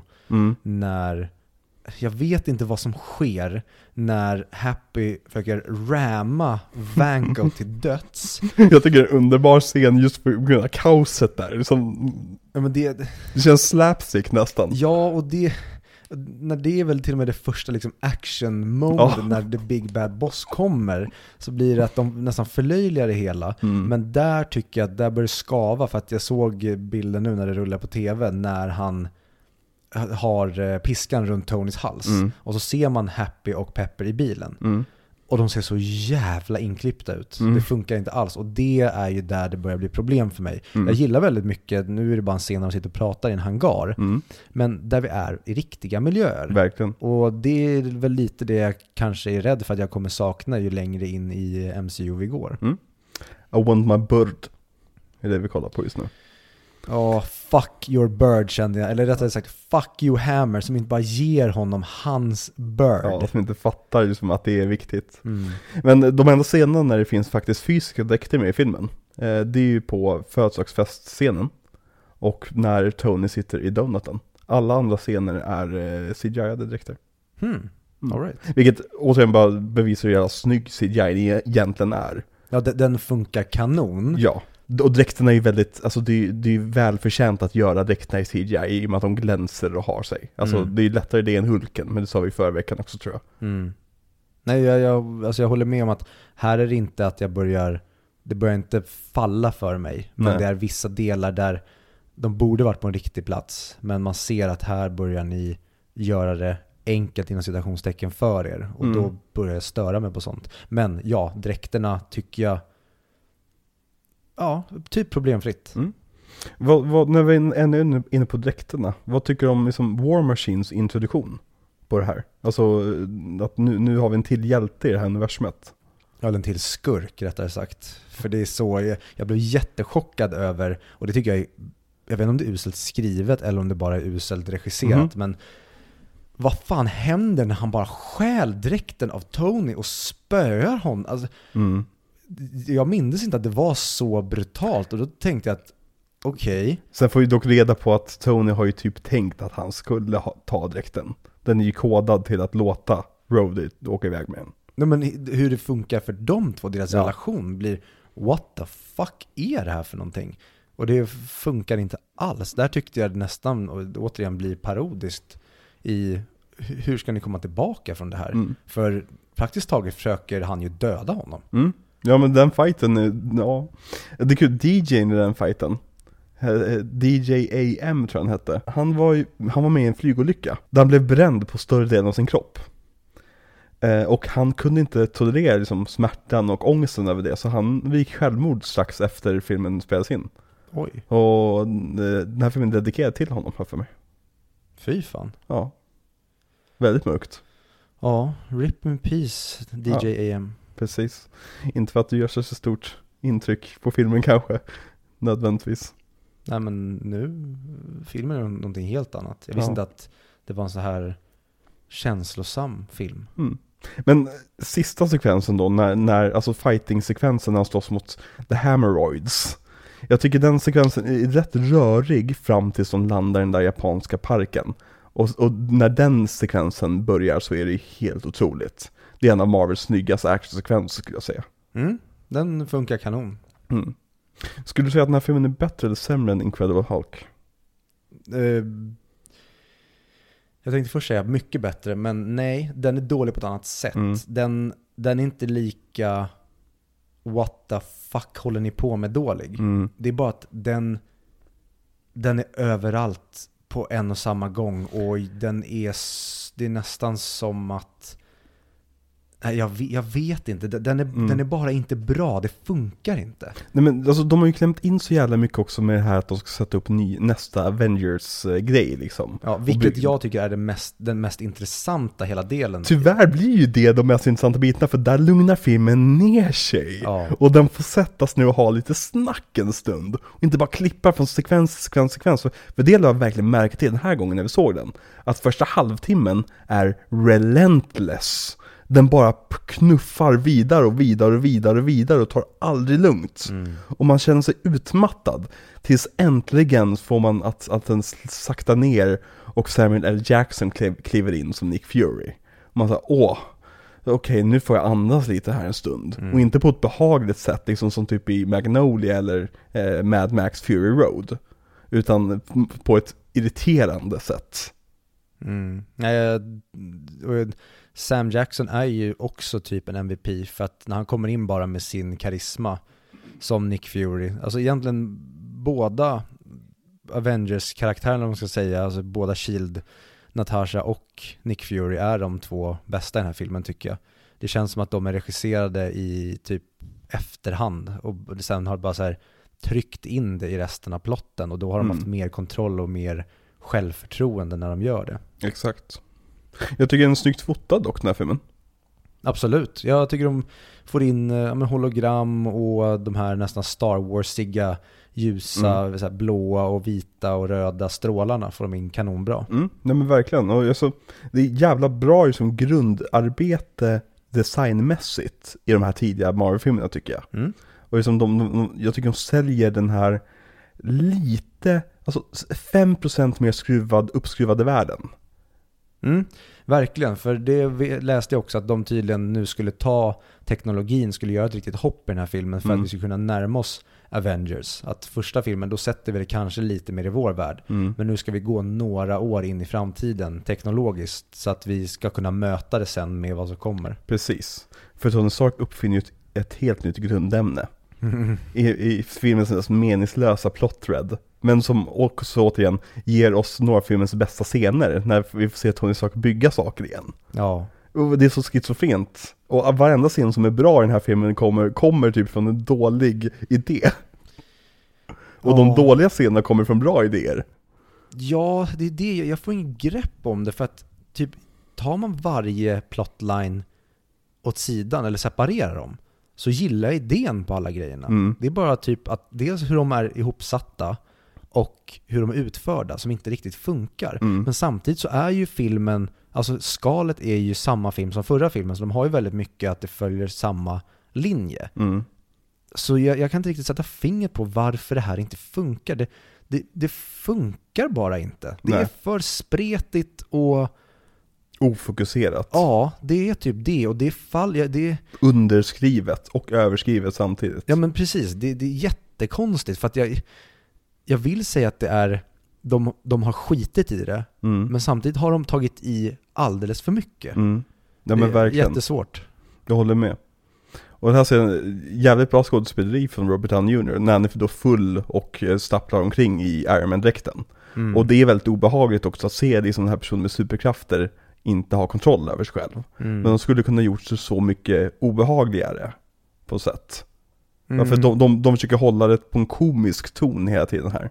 Ja, tyvärr. Mm. Och jag tycker, ska du nu gå åt det här hållet med hans breakdown och dödsångesten som han har, Mm. kan vi inte starta filmen där i så fall? Och bara göra en kort grej av det att Fast helst skulle jag typ inte ha med det alls. Men nu är vi i scenen då, som du sa, när Tony är eh, full med DJ AM. Mhm. Och här är tillbaka till varför Pepper Potts är en så jävla badass karaktär. Mhm. När hon bara går upp, tar micken och bara säger åt honom att nu lyssnar du på mig, Mm. men gör det så jävla snyggt när det står Exakt. en publik där. Och hon blir inte en, liksom, en som du brukar oftast bli en stereotyp i filmer, alltså en nagging bitch, Nej. liksom, inom citationstecken. Tänk dig typ Skyler från, från Breaking Bad här istället. Det har blivit en insufferable scen. Men nu bara så att man har känt sån jävla kärlek för henne. Och man bara tycker synd om henne nu när hennes tålamod äntligen tagit slut med den här som jubelidioten. Mm. Och det, det, det, alltså det är filmens grundproblem, att man tycker inte om Tony i den här filmen. Nej. Man, man, liksom, man förväntar sig, och, och i och med att de bygger upp hans högmod så jävla mycket i början, sitter vi bara och förväntar oss hans fall hela Mm. tiden. Och jag, ehm, nej, de, kunde de inte gett oss den nya Tony här bara? Den Ja. Tony som hade lärt sig lite grann. Precis, och ge, ge honom ett annat sätt att falla då. Mm. Att Vanko kanske då äger honom på något sätt teknologiskt, eller att Hammer plus Vanko Mm. blir för stark för honom att liksom bemästra. Och sen Precis. lär han sig då, okej, okej jag kanske behöver more- War Machine, att jag behöver också Tony Exakt. plus någonting till för att vi ska kunna besegra Jag behöver det här. kunna lita på andra människor för att kunna överleva. Ja. Att det är character-arken, för det är en sak han har kvar att lära sig kanske. Mm. För att i första lär han sig att han inte är odödlig, praktiskt taget. Och ja, nej, det är, det är synd, det är ett missat opportunity.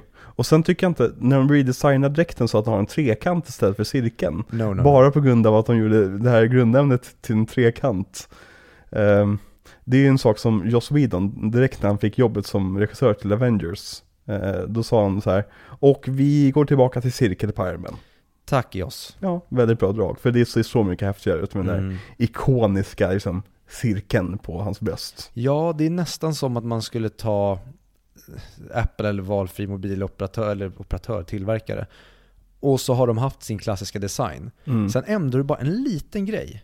Men det förändrar designen i, alltså i grunden. Mm. För det gör det verkligen. Man kan tycka att ja, men det gör väl ingenting om det är en cirkel eller en triangel. Jo, det förändrar dräkten hur den ser ut radikalt. För gör snygg CGI i den här scenen dock, när de slåss. Verkligen. Och det är bra filmat med mycket skuggor också. Mm. Vilket ger mycket kontrast till, till det vi sitter och kollar på. Och det gör också så att man ser de här självlysande ögonen så mycket mer. Och Mm. att de glänser och grejer. Nej, jag tycker de, eh, vad heter han? Labetik, heter väl? Lebatik. Lebatik, ja jo, precis. Ja, han fotar den också. Mm, precis. Han har sånt jävla bra öga för det. Mm. Eh, och även fast inte kanske riktigt på den nivån han kommer upp till med Aronofsky, så är det ju som mils väg, alltså så, så långt över vad det som några av de sämsta Marvel-projekten ser ut. Mm. Nej, skitsnygg. Mm. Det är precis som ettan. Och jag gillar att de håller sig precis samma stil. Ja, det här känns verkligen som en uppföljare till ettan. Mm. Och det, är- det är väldigt viktigt när man gör en uppföljare, att det känns som att, att det är en del av samma värld liksom. Mm. Tyvärr med eh, Lebatik, jag vet han, Libatik. Libatik, Lebatik. eller Lebatik. Lebatik, jo men så är det. Eh, tyvärr med hans stil, det är att den är svår att efterlikna utan att göra platt. Och Och det är ju lite grann att Marvels grund, original sin numera. Att deras filmer ser så jävla platta ut. Mm. Det är ju för att de försöker efterhärma den här stilen och inte lyckas riktigt. Ja, ni skulle tagit en eh, enklare fotograf från början. Ja men kanske. Men som tur var så James Gunn lyckas göra sin egen grej i alla fall. Mm. Mm. Ja, verkligen. Men på tal om vårt mottagande av den här filmen och vad vi tycker om den. Själva mottagandet när den släpptes. Den drog in 624 miljoner dollar. Vilket är en liten uppgång från första filmen. Fortfarande sjukt mycket och en jättestor succé såklart. Men hur eh, var budgetskillnaden? Eh, jag tror det var ungefär samma, samma budget. Mhm. Eh, något högre antagligen för att liksom, få kontrakt, kontrakt liksom, gjorde så att de fick mer lön och så vidare. Men eh, jag har för mig att de produceras på ungefär samma liksom, budget range liksom. Och eh, det här var ju jättebra för Marvel också. Den här liksom, lilla in, indep- independent-studion som hade pansat alla sina karaktärer för att liksom, ha råd att göra det här. Mm. Så okej, ja men visst Incredible Hulk drog inte in jättemycket pengar, den drog ju som sin budget och allt sånt där, men det var ingen supersuccé. Så kunde de ändå säga, okej men okej, vi, vi, det här går bra, det var inte bara en fluk att Iron Man 1 funkade, Mm. utan verkar, verkar faktiskt ha någonting så här som folk tycker om. Och mottagandet från kri- kritiker var ju väldigt bra. Alltså, alla var ju överens om att den var sämre än första såklart. Mm. Men väldigt många tyckte väldigt mycket om den. Och det är ju, när man kollar tillbaka på vilka actionfilmer som kom under den här tiden. Alltså Marvel, att Marvel började dominera är ju egentligen självklart när man kollar på det. För det kom ju så jävla mycket skit-action under liksom 2003 till 2010. Mm, jag kommer bara ihåg när du säger A-Team och sådana där Ja, filmer. kom. Battle, Battlefield, nej Battleship hette den. Ja, med Rihanna och Alexander Skarsgård. Precis, och Battlefield LA kom ju en, också en Alien-film som hette, här för mig. Ja, ja. Och grejer. Det, det kom så jävla mycket dålig, liksom, man med k-pist på omslaget filmer liksom. Mm. Eh, så det är klart att Marvel kändes som en ny och frisk fläkt. Och också att de inte var ju som bedrövliga de här filmerna som de flesta superhjältefilmer brukar vara. Mm. För att jämföra det här ändå med typ X-Men 3, så är det ju som, det här är ju världar bättre. Streets ahead. Ja, och det är ju framförallt, tror jag, va, va, nu är den här filmen inte så det här är så läckert för övrigt. Ja. Där när Rhodey kommer liksom med dräkten till militären. Och just att han är liksom mörkhyad, men dräkten typ är vit av solskenet och liksom eh, öknen han är i. Det är så jävla bra kon- kontrast där. Det Ja. skapar en sån snygg bildruta. Gorgeous. Och så klipper vi över till nästa scen när Tony sitter i donuten. Eller, jo visst är han i? Mm. Ja, i Mm. donuten och käkar donuts i en fysisk dräkt. Fy fan vad gott med donuts. Ja, jag eh, tryckte en jävla massa donuts förra helgen. Ja, jag vet, jag var här. Du var här. Sen åt jag mer donuts när En- du inte var här. Ännu, jag åt upp bulldegen också. Jajamän. Okej, Viktor, nu får du skämma ut dig själv. Berätta, berätta vad du brukar göra med bull, bulldeg. Jag brukar köpa eh, de här bulldegspåsarna från Ikea. Alltså Jaha. ogräddade bullar som är då så jävla artificiella att du bara behöver lägga dem i mikron och sätta på och så har du en bulle typ 30 sekunder senare. Men det jag brukar göra då, det är att jag tar ut dem ur frysen, de här påsarna med bullarna. Och sen låter jag dem tina bara. Sen äter jag dem med kniv och gaffel. Alltså den o... Den ogräddade bullen. Ah, okej. Och det är Hur mår din mage efteråt?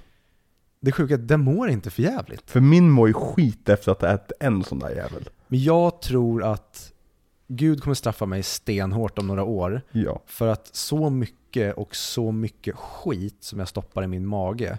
ja men, Jag får aldrig betala det priset som jag borde få betala. när du öppnar ditt hål i magen, Mm. då är det ett hål i magen. Jag minns ju, alltså, när, jag var en gång när du kom över, jag bakade mina kakor. Mina legendariska kakor. Mhm. Och jag, vi gjorde tio stycken kakor, det brukar det bli. Och det är skitmycket kaka egentligen. Det är stora kakor, de är som eh, sega och liksom, man kan liksom, nästan, ja, nej. De är typ assiett-size. Ja men precis, exakt. De, de är gigantiska och jättegoda och fyllda med liksom, choklad och grejer. Ehm, och jag tar ju som en som jag sitter på och typ nibblar på hela kvällen för det är så mycket liksom, det är typ, och de är ju sega i mitten också så det är okokt kakdeg också så man blir ju svinmätt på det här. Mm. Jag tar en och Viktor trycker i sig typ resten på en kväll och bara pumpar i sig det i sitt kakhål. Ja, Jag, jag skulle vilja stoppa i, göra en typ gastroskopi och ha den här kameran ner i magen och se vad händer där. Mm. För det känns som att det är Doctor Strange som har öppnat upp en portal i min magsäck och allting bara försvinner ut i någon multiverse. Ja. För jag äter mängder av socker framförallt när vi kollar film, Mm. Som jag sen inte får betala det priset jag borde få betala. Min mage, alltså efter jag fyllde typ 27 så min mage börjat säga stopp till varenda gång jag stoppar in något, onyttigt. Alltså det är, jag, jag är ju alltid dålig i magen efter jag ätit socker. Jag tror att jag blivit härdad för att jag har typ, jag är typ jag vet inte om jag är gluten, laktos, vad fan det är. Mhm. Men under mina tonårsår när man krökade, Mhm. min mage skrek på mig när jag drack bärs. Mm. Och det var nästan ibland så att där, du behöver toalett inom, du får två minuter på dig. Sen är det bara go time. Mm. Så att jag, jag har en och annan obehaglig eh, story från mina tonår som där det har skett olyckor utomhus. Men jag tror att min mage har blivit härdad från den Mm. tiden. Så att nu har den byggt upp en rustning. Så att när det kommer sådana här sjuka grejer, då är det bara ha, jag har sett värre. Ha, det där tar jag hand om. På tal om att vara dålig i magen, har jag berättat om gången när jag och min kompis Robin hade hyrt en stuga? Och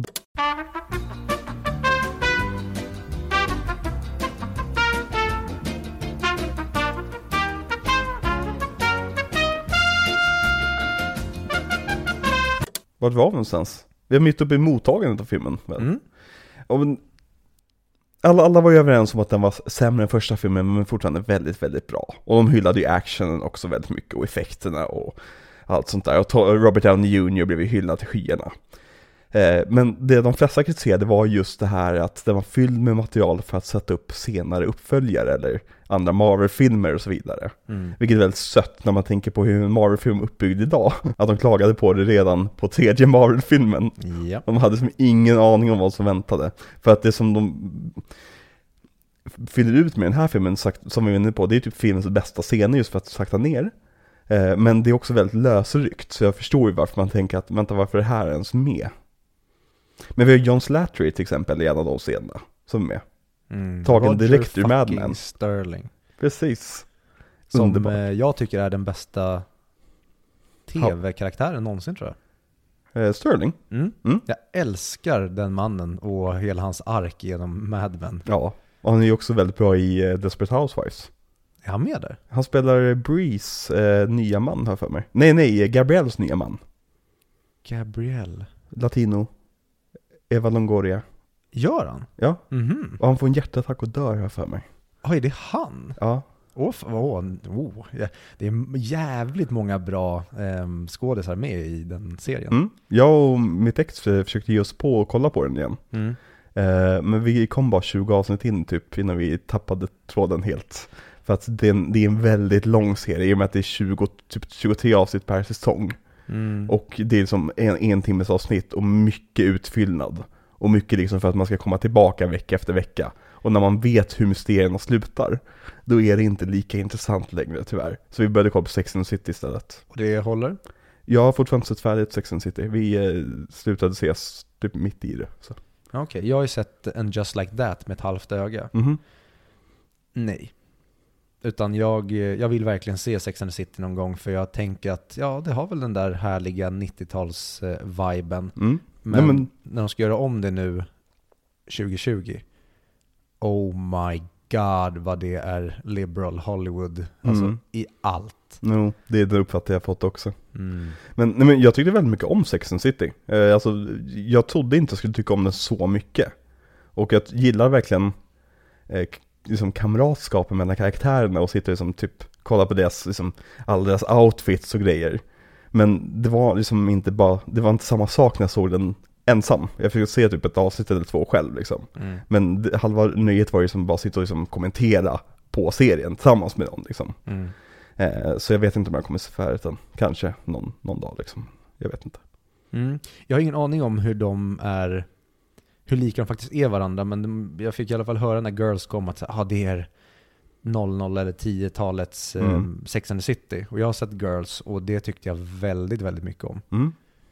Det är väl där Adam Driver blev känd va? Jajamän, han är fullkomligt briljant i sin roll. Ja men jag hörde, äh, spelar inte, han en väldigt obehaglig karaktär?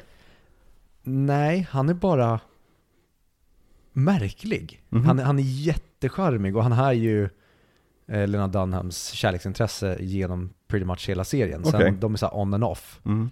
Men han är, han är så himla trygg och framförallt han är så säker i sig själv. Mm. Men han passar typ inte in, han är jättemärklig. Men gör utveckla, ge mig något exempel.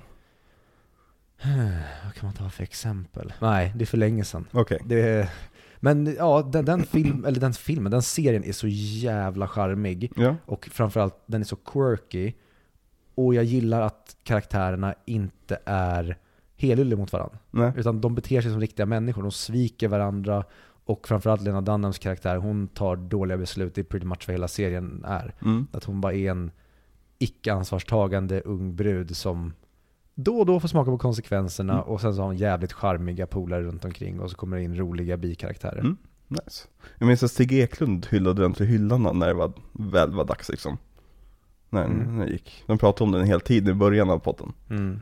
Har jag för mig. Sen jag kan inte säga som många tyckte, ah, det är den bästa så här, eh, brudserien någonsin. Jag för mig till och med att folk sa att den var bättre än Sex and the City. Mm. Det är ju inte någon serie som goes down in history som någonting exceptionellt. Nej. Men den är väldigt, väldigt härlig och en Mm. serie jag tror Ja men perfekt att se med någon bara om man ska se igenom en serie. För att citera Alex från Licorice Pizza avsnittet, är det bra hangout vibes i den? Mm. Ja. Verkligen. Då så, nice. Eh, jag glömde fråga dig i början på avsnittet, hade du sett den här innan vi såg den? En gång. Ja, Och eh, jag minns typ ingenting av själva storyn. nej.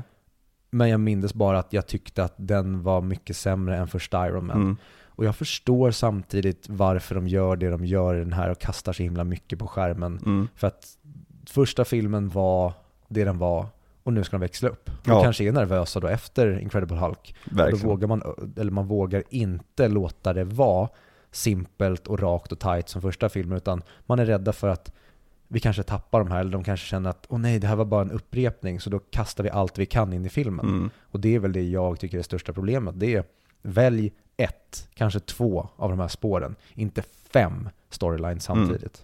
Ja men verkligen, det, det är, den här filmen är både självsäker och osjälvsäker samtidigt. Mm. Det är som den här liksom, nörden som, som fick liksom den blonda tjejen med silikonbröst liksom och liksom, fick, liksom känna att nu är jag on top of the world och beter sig som ett jävla douchebag liksom. Mm. På grund av. För den här filmen är verkligen, den, den känner att men jag kommer undan med det här. Jag har ju vunnit. Ja.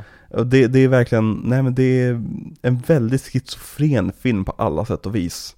Men jag är fortfarande väldigt charmad av den. Och den är väldigt underhållande att kolla på, tycker jag. Mm. Det är som, jag ser ju hellre den här alla dagar i veckan än Incredible Hulk. Ja, jo, det är jag med på, men jag vet inte, alltså vi kommer komma till det sen när vi pratar om eh, nästa veckas film. Mm. Men Den har ju inte du sett den. nej, så att jag lämnar det. Men jag, jag kände det både under Hulk och den här, att Mm. de är för mig typ samma nivå, Mm. men på olika sätt. Och det är ingen film jag vill återbesöka alls. Så jag vet inte riktigt vilken jag väljer. Alltså Incredible Hulk är bara rakt igenom usel. Mm. Men den här gör mig bara typ arg. Alltså den gör mig upprörd på ett sätt som Incredible Hulk känns mer, jag tycker mer synd om. Mm. Typ, jag kanske inte tycker synd om Edward Norton, men jag tycker mer synd om filmen att nej, det här blev bara pannkaka. Den här filmen är mer att fan vad besviken jag är på er. Att Mm. ni inte kunde leverera bättre än ni har det här. Och framförallt så känner jag som jag gör med, många grejer att ni hade någonting i första filmen och nu behöver ni vrida upp det så jävla mycket. Och när man vrider upp saker då tappar man det som var så bra med grunden, Mm. tyvärr. Ja det är just den här att vi hade Tony som var asshole en del av första filmen. Och nu har ni en hel film där han är asshole. Och det är verkligen, det, nej, det är må- många problem, men det är verkligen någonting som gör mig arg. Mm. Genom, det, det, bara, jag bara, min anger bar höjs under hela filmen när Tony bara är asshole, asshole, Mm. asshole. Och sen är jag bara så jävla trött på skiten. Mm. Han får ju liksom inget redeeming moment liksom.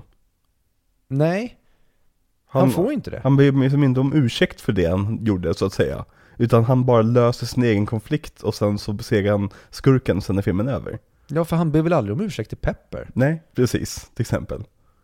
Ja, och tillbaka till det som var, jag, eller det jag tyckte var mest briljant med första filmen, det är Mm. deras relation. Mm. Och den finns ju knappt i den här filmen. Nej, hon är ju lika briljant. Mm. Men filmen låter inte honom möta henne utan Låter ju inte henne göra någonting heller i filmen. Hon är ju knappt med i filmen.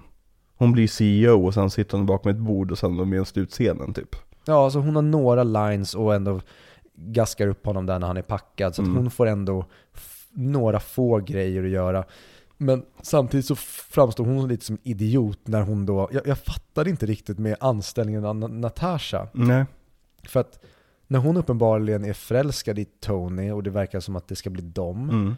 Varför anställer den här unga snygga bruden och sen sätter henne framför Tony och sen bara låter honom flörta med, med henne. Det är som att hon säger, ja det blev inte vi. Nej. Men det var ju det som var så himla fint att hur blir deras kärleksrelation i tvåan? Mm. Nej, okej. Du slänger in en snygg brud så att Tony kan få...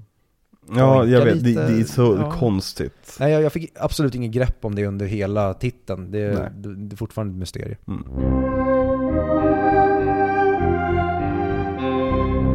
Har vi något mer vi vill prata om med filmen innan vi börjar runda av här? Nej, jo. Mm. Jag läste att eh, Tom Holland har bekräftat vid något tillfälle att pojken med masken när drönaren attackerar är Peter Parker. Jo, men skulle man fråga Tom Holland om det är han som, om Peter Parker är egentligen den som är Vanko, skulle han nog säga jo men det är det. För Tom Holland säger ja till allt han får frågan om. Ja, och det var det jag skulle komma till att det betyder ingenting. Nej. Och Kevin Feige har fått frågan, han typ såhär, om ni vill det. Ja, men precis. Och det är väl så här, ja, det är skitbriljant av honom att svara ja, Mm. för det får massa våta i byxan. Men Det betyder ju ingenting. Nej men precis, för det, du kan slänga in vem, det hade varit vem som helst om du vill att det ska vara vem det som var helst. Thanos. Ja, Thanos eh, i babyform kom in och skulle kolla in läget. Det var Martha. Ja, Där har vi det. mm. Mm. Marta. Exakt. Vi pratar som lilla pojken med Iron Man-mask som står framför en hemorroid och eh, nästan blir dödad av den innan Tony kommer ner och Mm. har sönder den. Ja, tänk, då hade Peter Parker inte varit med så Nej, tänka sig. sjukt. Och då hade vi inte fått alla cameos. Nej. Tänk livet utan alla cameos från, från Spider-Man Far From Home. Och Nej, in- No Way Home. Och inte för Andrew Garfield och Tobey Maguire. Ja, tänk, tänk att se, sitta i en biosalong och inte klappa. Och inte så skrika som att jag liksom blir avsugen av 30 liksom, jag tänker inte avsluta den här meningen. Eh, ja, Okej. anywho. Nästa vecka, Betyg? betyg, ehm, två och en halv. Ja, Eller den ka- får ändå det. Ja, jag tror det. Jag, jag känner mig, desto det längre tid efter, alltså precis efter vi har sett färdigt den så känner jag så här, men jag kan vara generös och ge den tre också om ifall jag vill. Men desto mer jag tänker på den så här, nej, fy fan, nej det är nästan Thor canted angle i den, kameran svängde lite grann. Eh, ja. Nej men, eh, nej men jag tycker att den, den är alldeles för ofokuserad och alldeles för plottrig och tempot är helt bedrövligt första akten och nej jag, jag gillade inte alls den här omtiteln. Det här är nog den som har sjunkit mest i mina ögon hittills. Mm. Du då? Nej, den landar på en tvåa. Samma som eh, Incredible Hulk. Mm. De är dåliga på olika sätt, men nej, de slarvar bort den här filmen helt och hållet. Och jag tycker bara, skulle man klippa om den här filmen, Mm. göra den till 90 minuter, då skulle den nog kunna gå upp till en trea. Bara Mm. klippa bort några onödiga sideplots Verkligen. och bird-scener och Monaco-delar så finns det absolut en bättre film här. Men Det precis, ingenting är ju oförlåtligt i den här filmen. Det är som så att säga. Utan det är bara oinspirerat. verkligen. Mm. Och greenscreenen här nu när vi ser scenen när eh, Sam Ja. Jackson och eh, Robert Downey Jr. sitter på Tonys balkong och snackar. Precis, och det är för att inga, inga paparazzi ska kunna ta bilder på Samuel L. Jackson. Mm. Så att det spoilas att han är med i filmen. Eh, eller Men Sam. Jackson, fan vad han är en movie star. Ja, verkligen. Och tänk, det här är egentligen hans första scen som Nick, Nick Fury, eller förutom donut-scenen då liksom. Mm. Mm. Nej, svin grym casting. Mm. Det är verkligen klockren, och det känns så naturligt nu att det är Samuel, Samuel L. Jackson liksom. Mm. Men eh, där var det ju fortfarande rätt nytt och speciellt. Ja, där, vi kommer komma till det långt, långt fram. Mm. Men jag minns framförallt under Far From Home, Mm. hur jobbig jag tyckte att han var. Ja, men hade- där ska han ju vara jobbig. Jo, det, är, men- det är en scroll som spelar vad han tror är Nick Fury.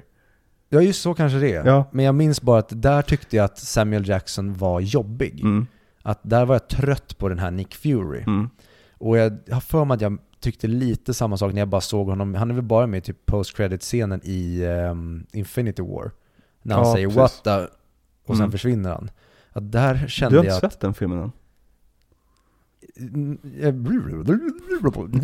Eh, glöm det. Ja. Men okej, eh, nästa vecka då? Vad ska vi se för film då? Då är det dags för Thor! Då är det faktiskt dags för Thor på riktigt den här gången. Ja! Och vi ska försöka hjälpa Kenneth Branagh att hitta det borttappade benet till, till kamerastativet. kan säga redan nu att det kommer gå åt helvete. Ja, för det, det, det benet är borta den mesta delen av filmen. Jag har aldrig sett en så pass sned film i hela mitt liv. Och det är liksom så här. Jag tänkte inte på det första gången jag såg filmen. Men sen jag fick det utpekat för mig, så finns det inget annat jag kan tänka på när jag ser filmen. Nej, det, det är... alltså, Ja, nu har du, du redan sett den. Ja. Men fan vad vi garvade åt att nu är det uppförsbacke, nu är det nedförsbacke, och nu är det uppförsbacke. Backen. Ja men det, det, är så, det är på den nivån att det är en bil som faktiskt står i nedförsbacke. Men den filmas först som att den står i uppförsbacke. Ja. Så mycket vrider och vänder på kameran i den filmen och det är helt underbart. Eh, spoiler alert, we eh, fucking loved the canted angles, så Ja. att säga. Vi hade så roligt med det. Eh, men det får ni höra då i nästa veckas avsnitt om Thor. The Mighty Thor. Thor The Light World, som ettan heter. Precis, exakt. Ni for the God of Thunder. Om du vill. Ja, okej. Ja, yes. Eh, några avslutande ord? Vi eh, ska ju tacka våra patrioner. Mm, ja just det. Och jag vet inte, för att det blir så jävla svårt när avsnitten kommer i osynk med när vi får nya Patreons. Ja. Så jag tänker att vi kör igenom alla våra 50 kronors eller mer Patreons som är värda en shoutout. Så att har vi det gjort nu en gång för alla. Och då vill vi ju tacka alla våra underbara Patreons. Mm. Och eh, ja, det kan ha varit så att man har missat någon eller att det har blivit så att någon har uppgraderat och vi har missat att säga det efter uppgraderingen. Så jag tänker vi kör alla nu. Ja, men, här, ni, ni känner oss, låter vi som människor som har koll på våra grejer eller? Det är som det, vi ber om ursäkt, men, men som kompensation så kommer vi tacka alla en gång till nu istället. Ja, den största igenkänningsfaktorn någonsin i en film eller serie, det är när de säger “You know nothing Jon Snow”. Mhm. För att det är så jag känner mig jämt. Den prequel-serien kommer i höst. House of the Dragon. Ja, ska det bli kul? Jag är taggad. Ja, men du har ju mer en relation till grundmaterialet än vad jag har. exakt. Ja, men jag kommer säkert se det som jag nu dumt nog såg första tre avsnitten av Ben Kenobi. Ja, vi ska lätt göra en Kenobi special på, Ja. på, på. Det, det finns mycket att säga om den serien efter Ja. bara tre avsnitt. För utöver våra specialer om, om eh, Roger Rabbit, om The Warriors och alla de där så kommer det alldeles strax. Så. Ja, Pans labyrint och varför kan man, man kan bara komma ihåg tre av fyra. Ja, verk, verkligen. Vad är detta? The Gentleman. Is it gentleman? Bra, Mm, tack exakt. hjärnan att du hann ikapp. Ja. Och sen så Men- måste vi också köra eh, The Secrets of Dumbledore. Det ska vi självklart också För den har ju faktiskt släppts på HBO Max nu. oh, Så det tycker jag nästan vi gör, spelar in nästa helg. Det hade varit kul. Ja. Mm. Men, Mm. då kör vi våra wunderbara Patreon som då är eh, 50 kronors Patreons eller över. 50 eller över. Och då har vi Sigge Sonnerud, Staffan Wenberg, Addy Jernberg, Wille Lindstrand, Adrian Delbom and Christopher Wahlberg. Han den där sista, det är en person som har slagit mig så många gånger i Han mitt liv. rasista. Den rasista. Mm. Ja, precis, exakt. Mm. Yes. Nej men tack så jättemycket för att ni eh, ger eh, 50 kronor eller mer till vår, vår larviga lilla produkt här som vi gör åt er. eh, nej men vi, det, vi uppskattar så jättemycket och vi, eh, ja sagt vi kommer ju åka till eh, London i höst om ingenting går snett. Eh, sagt vi får börja kolla på biljetter jävligt snart, vi gör det när vi kommer hem från Oslo. En resa i taget. Precis, en resa i taget. Ja, precis. Eh, Men också tack till våra vanliga lyssnare. Eh, ni är minst lika viktiga som, som, de, eh, som Patreons. Och ni, om ni vill visa er uppskattning så är det väldigt lätt för er att bara gå in på våra sociala medier och likea och dela våra inlägg. Eh, på Instagram, Twitter och Facebook. Mm, och skulle det vara så att ni kanske prata med någon som är lite intresserad av film, eller man behöver inte vara intresserad av film, för MCU, det passar ju alla. Ja, Bara verkligen. så här, vill ni höra två idioter säga massa jävligt korkade saker om MCU? Lyssna på den här podden. Alltså om ni bara vidarebefordrar oss till en, så är det jättebra för oss, för det är bara Mm. så jäkla kul när folk lyssnar. Och så hatar ni det vi gör, eller har ni någon kritik till det vi gör, eller gillar ni någonting vi gör, så är det bara skitkul för oss att höra det. Ja. Nej men, eh, ja, tack till alla, även ni som inte lyssnar. Ni får också tack. Nej, Jo, fuck off mate. jo men jag vill, jag vill ge även de som tackar. Eh, De som, de som, de som, Lyssnar du inte nu, för de som tackar. lyssnar du inte nu, men lyssnar sen, Ja. då, då är det okej. Ja men exakt. Eh, De som inte lyssnar, de ser jag bara som folk som ännu inte har lyssnat. Så de ska också få tack liksom för när de väl börjar lyssna. Okej, Mm. jag går med på det. För jag tänker att det här kommer bli världsomspännande. Ja, alltså du och jag, vi kommer sitta där med AVK-partiet. Vi har eh, störtat riksdagen. Du Mm. och jag sitter på en varsin tron och vi har eh, The Counts of Montetala som står med obehagligt brutala vapen och skyddar oss. Ja, och så kommer vi införa liksom conflicting laws angående Last Jedi. Ja, och jag kommer execute order 66. Ja, precis. Och jag kommer jaga efter tioåriga flickor och inte kunna fånga dem för jag springer som att jag vore med i ett, ett barnprogram. Och så blir jag stoppad av en gren som kommer i vägen som jag så åh! Och så måste jag springa runt den grenen.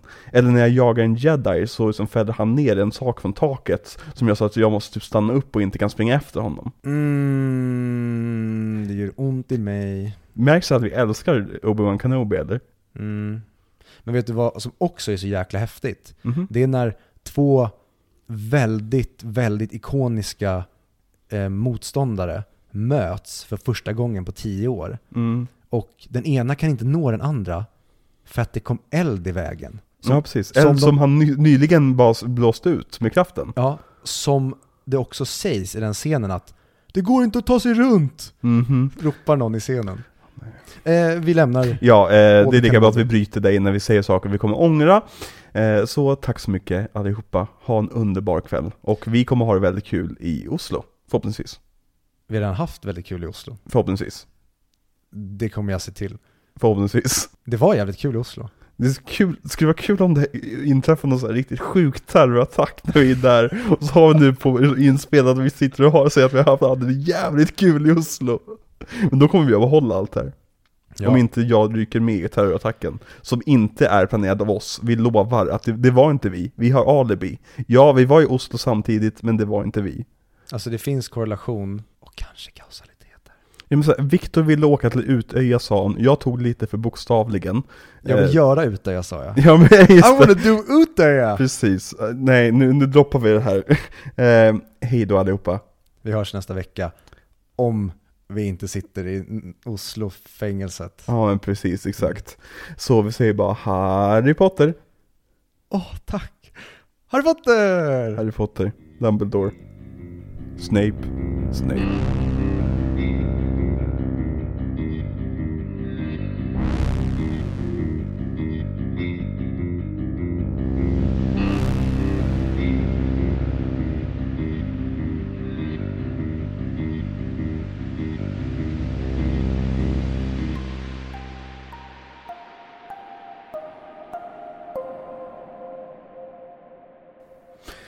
Ska vi prata lite grann om eh, post-credit-sekvensen? För det är ju Thors hammare. Ja! Precis. Och de Är den i Dutch Angle? den är inte det. Nej. Eh, Men däremot använder de sig av en anamorphic lens, eller lins, för att efterlikna stilen i Thor. Nu Viktor, ska du få se om du kommer ihåg, om, om du lärde dig någonting av Derby Blood-avsnittet. Vad är en anamorphic lens? Hmm. Var det när man först hade skjutit det i ett större format och sen pressat ihop bilden? Mm, för att skapa widescreen fast med mycket mer information. Ja. Ja, exakt. Stämmer. Right. Ja, Och det är Kenneth Branagh, Mr.